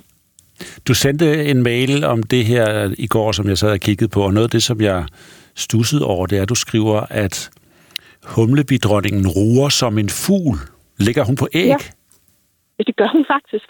Hun, hun lægger simpelthen æg, og i starten der lægger hun øh, ja, ikke, ikke så mange æg. Hun lægger de æg, der er vigtige for selv at kunne, øh, kunne skaffe sig nogle arbejderbier, som så kan hjælpe hende sidenhen. Og de her æg, de ligger nede i sådan nogle små krukker, hun har bygget. Det ligner lidt sådan nogle små bobler med, med et hul i toppen. Øh, ret fine små øh, krukker, og, øh, og dem ligger hun simpelthen ovenpå, og så laver hun sådan nogle vibrationer med sine brystmuskler. Og det er også de brystmuskler, hun bruger, når hun øh, slår med vingerne. Så derfor så er det lidt den, hvis man nu kunne høre hende nede i de der musereder der, så ville det simpelthen lyde som, øh, som sådan en humlebi, der er i gang med at bestøve en blomst. Den lyd tror jeg, der er mange, der godt kan genkende fra øh, om sommeren, når man går rundt ude i naturen og kan høre, der er sådan en, en summen. Og øh, den her summen, den skaber altså en, en kropstemperatur på øh, op til 38 grader, som hun så kan bevare nede i de her honning- og, øh, og ægkrukker, mm. hvor yngen så udvikler sig til, øh, til de nye bier, som skal hjælpe hende med at skabe en koloni. Og øh, så siger man jo, humlebien den er for tung til at flyve, den ved det bare ikke. Hvordan Ja. er det? Det er simpelthen løgn. Det kan hun godt. Hun ved det hele. Hun, hun har styr på det. Men, øh, men der er jo rigtig mange, der netop snakker om, at hun har jo sådan en høj summe. Det lyder som om, hun slet ikke kan komme på vingerne. Og det er fordi, hun, hun kun, øh, havde jeg nær sagt, slår med 200 vingeslag i sekundet, hvor en myg for eksempel slår med, med 500. Men hun er altså relativt let i forhold til hendes vinger. Så de kan sagtens bære hende. Hun ser bare ret stor ud med al den pels, som jo også gør, at hun kan flyve her i det tidlige forår og holde varmen, så hun ikke falder ned på jorden af bare kulde. Fantastisk. Tak skal du have, Marken måde. naturvejleder i Halsnæs Kommune. Så føler vi faktisk, nu har vi fået introduceret foråret i P1 Morgen, og så lukker, slukker vi også. Den blev produceret, produceret af Mette Dalgaard og øh, Jette Damgaard i studiet, Maria Hollænder og Søren Carlsen. Gå på opdagelse i alle DR's podcast og radioprogrammer. I appen DR Lyd.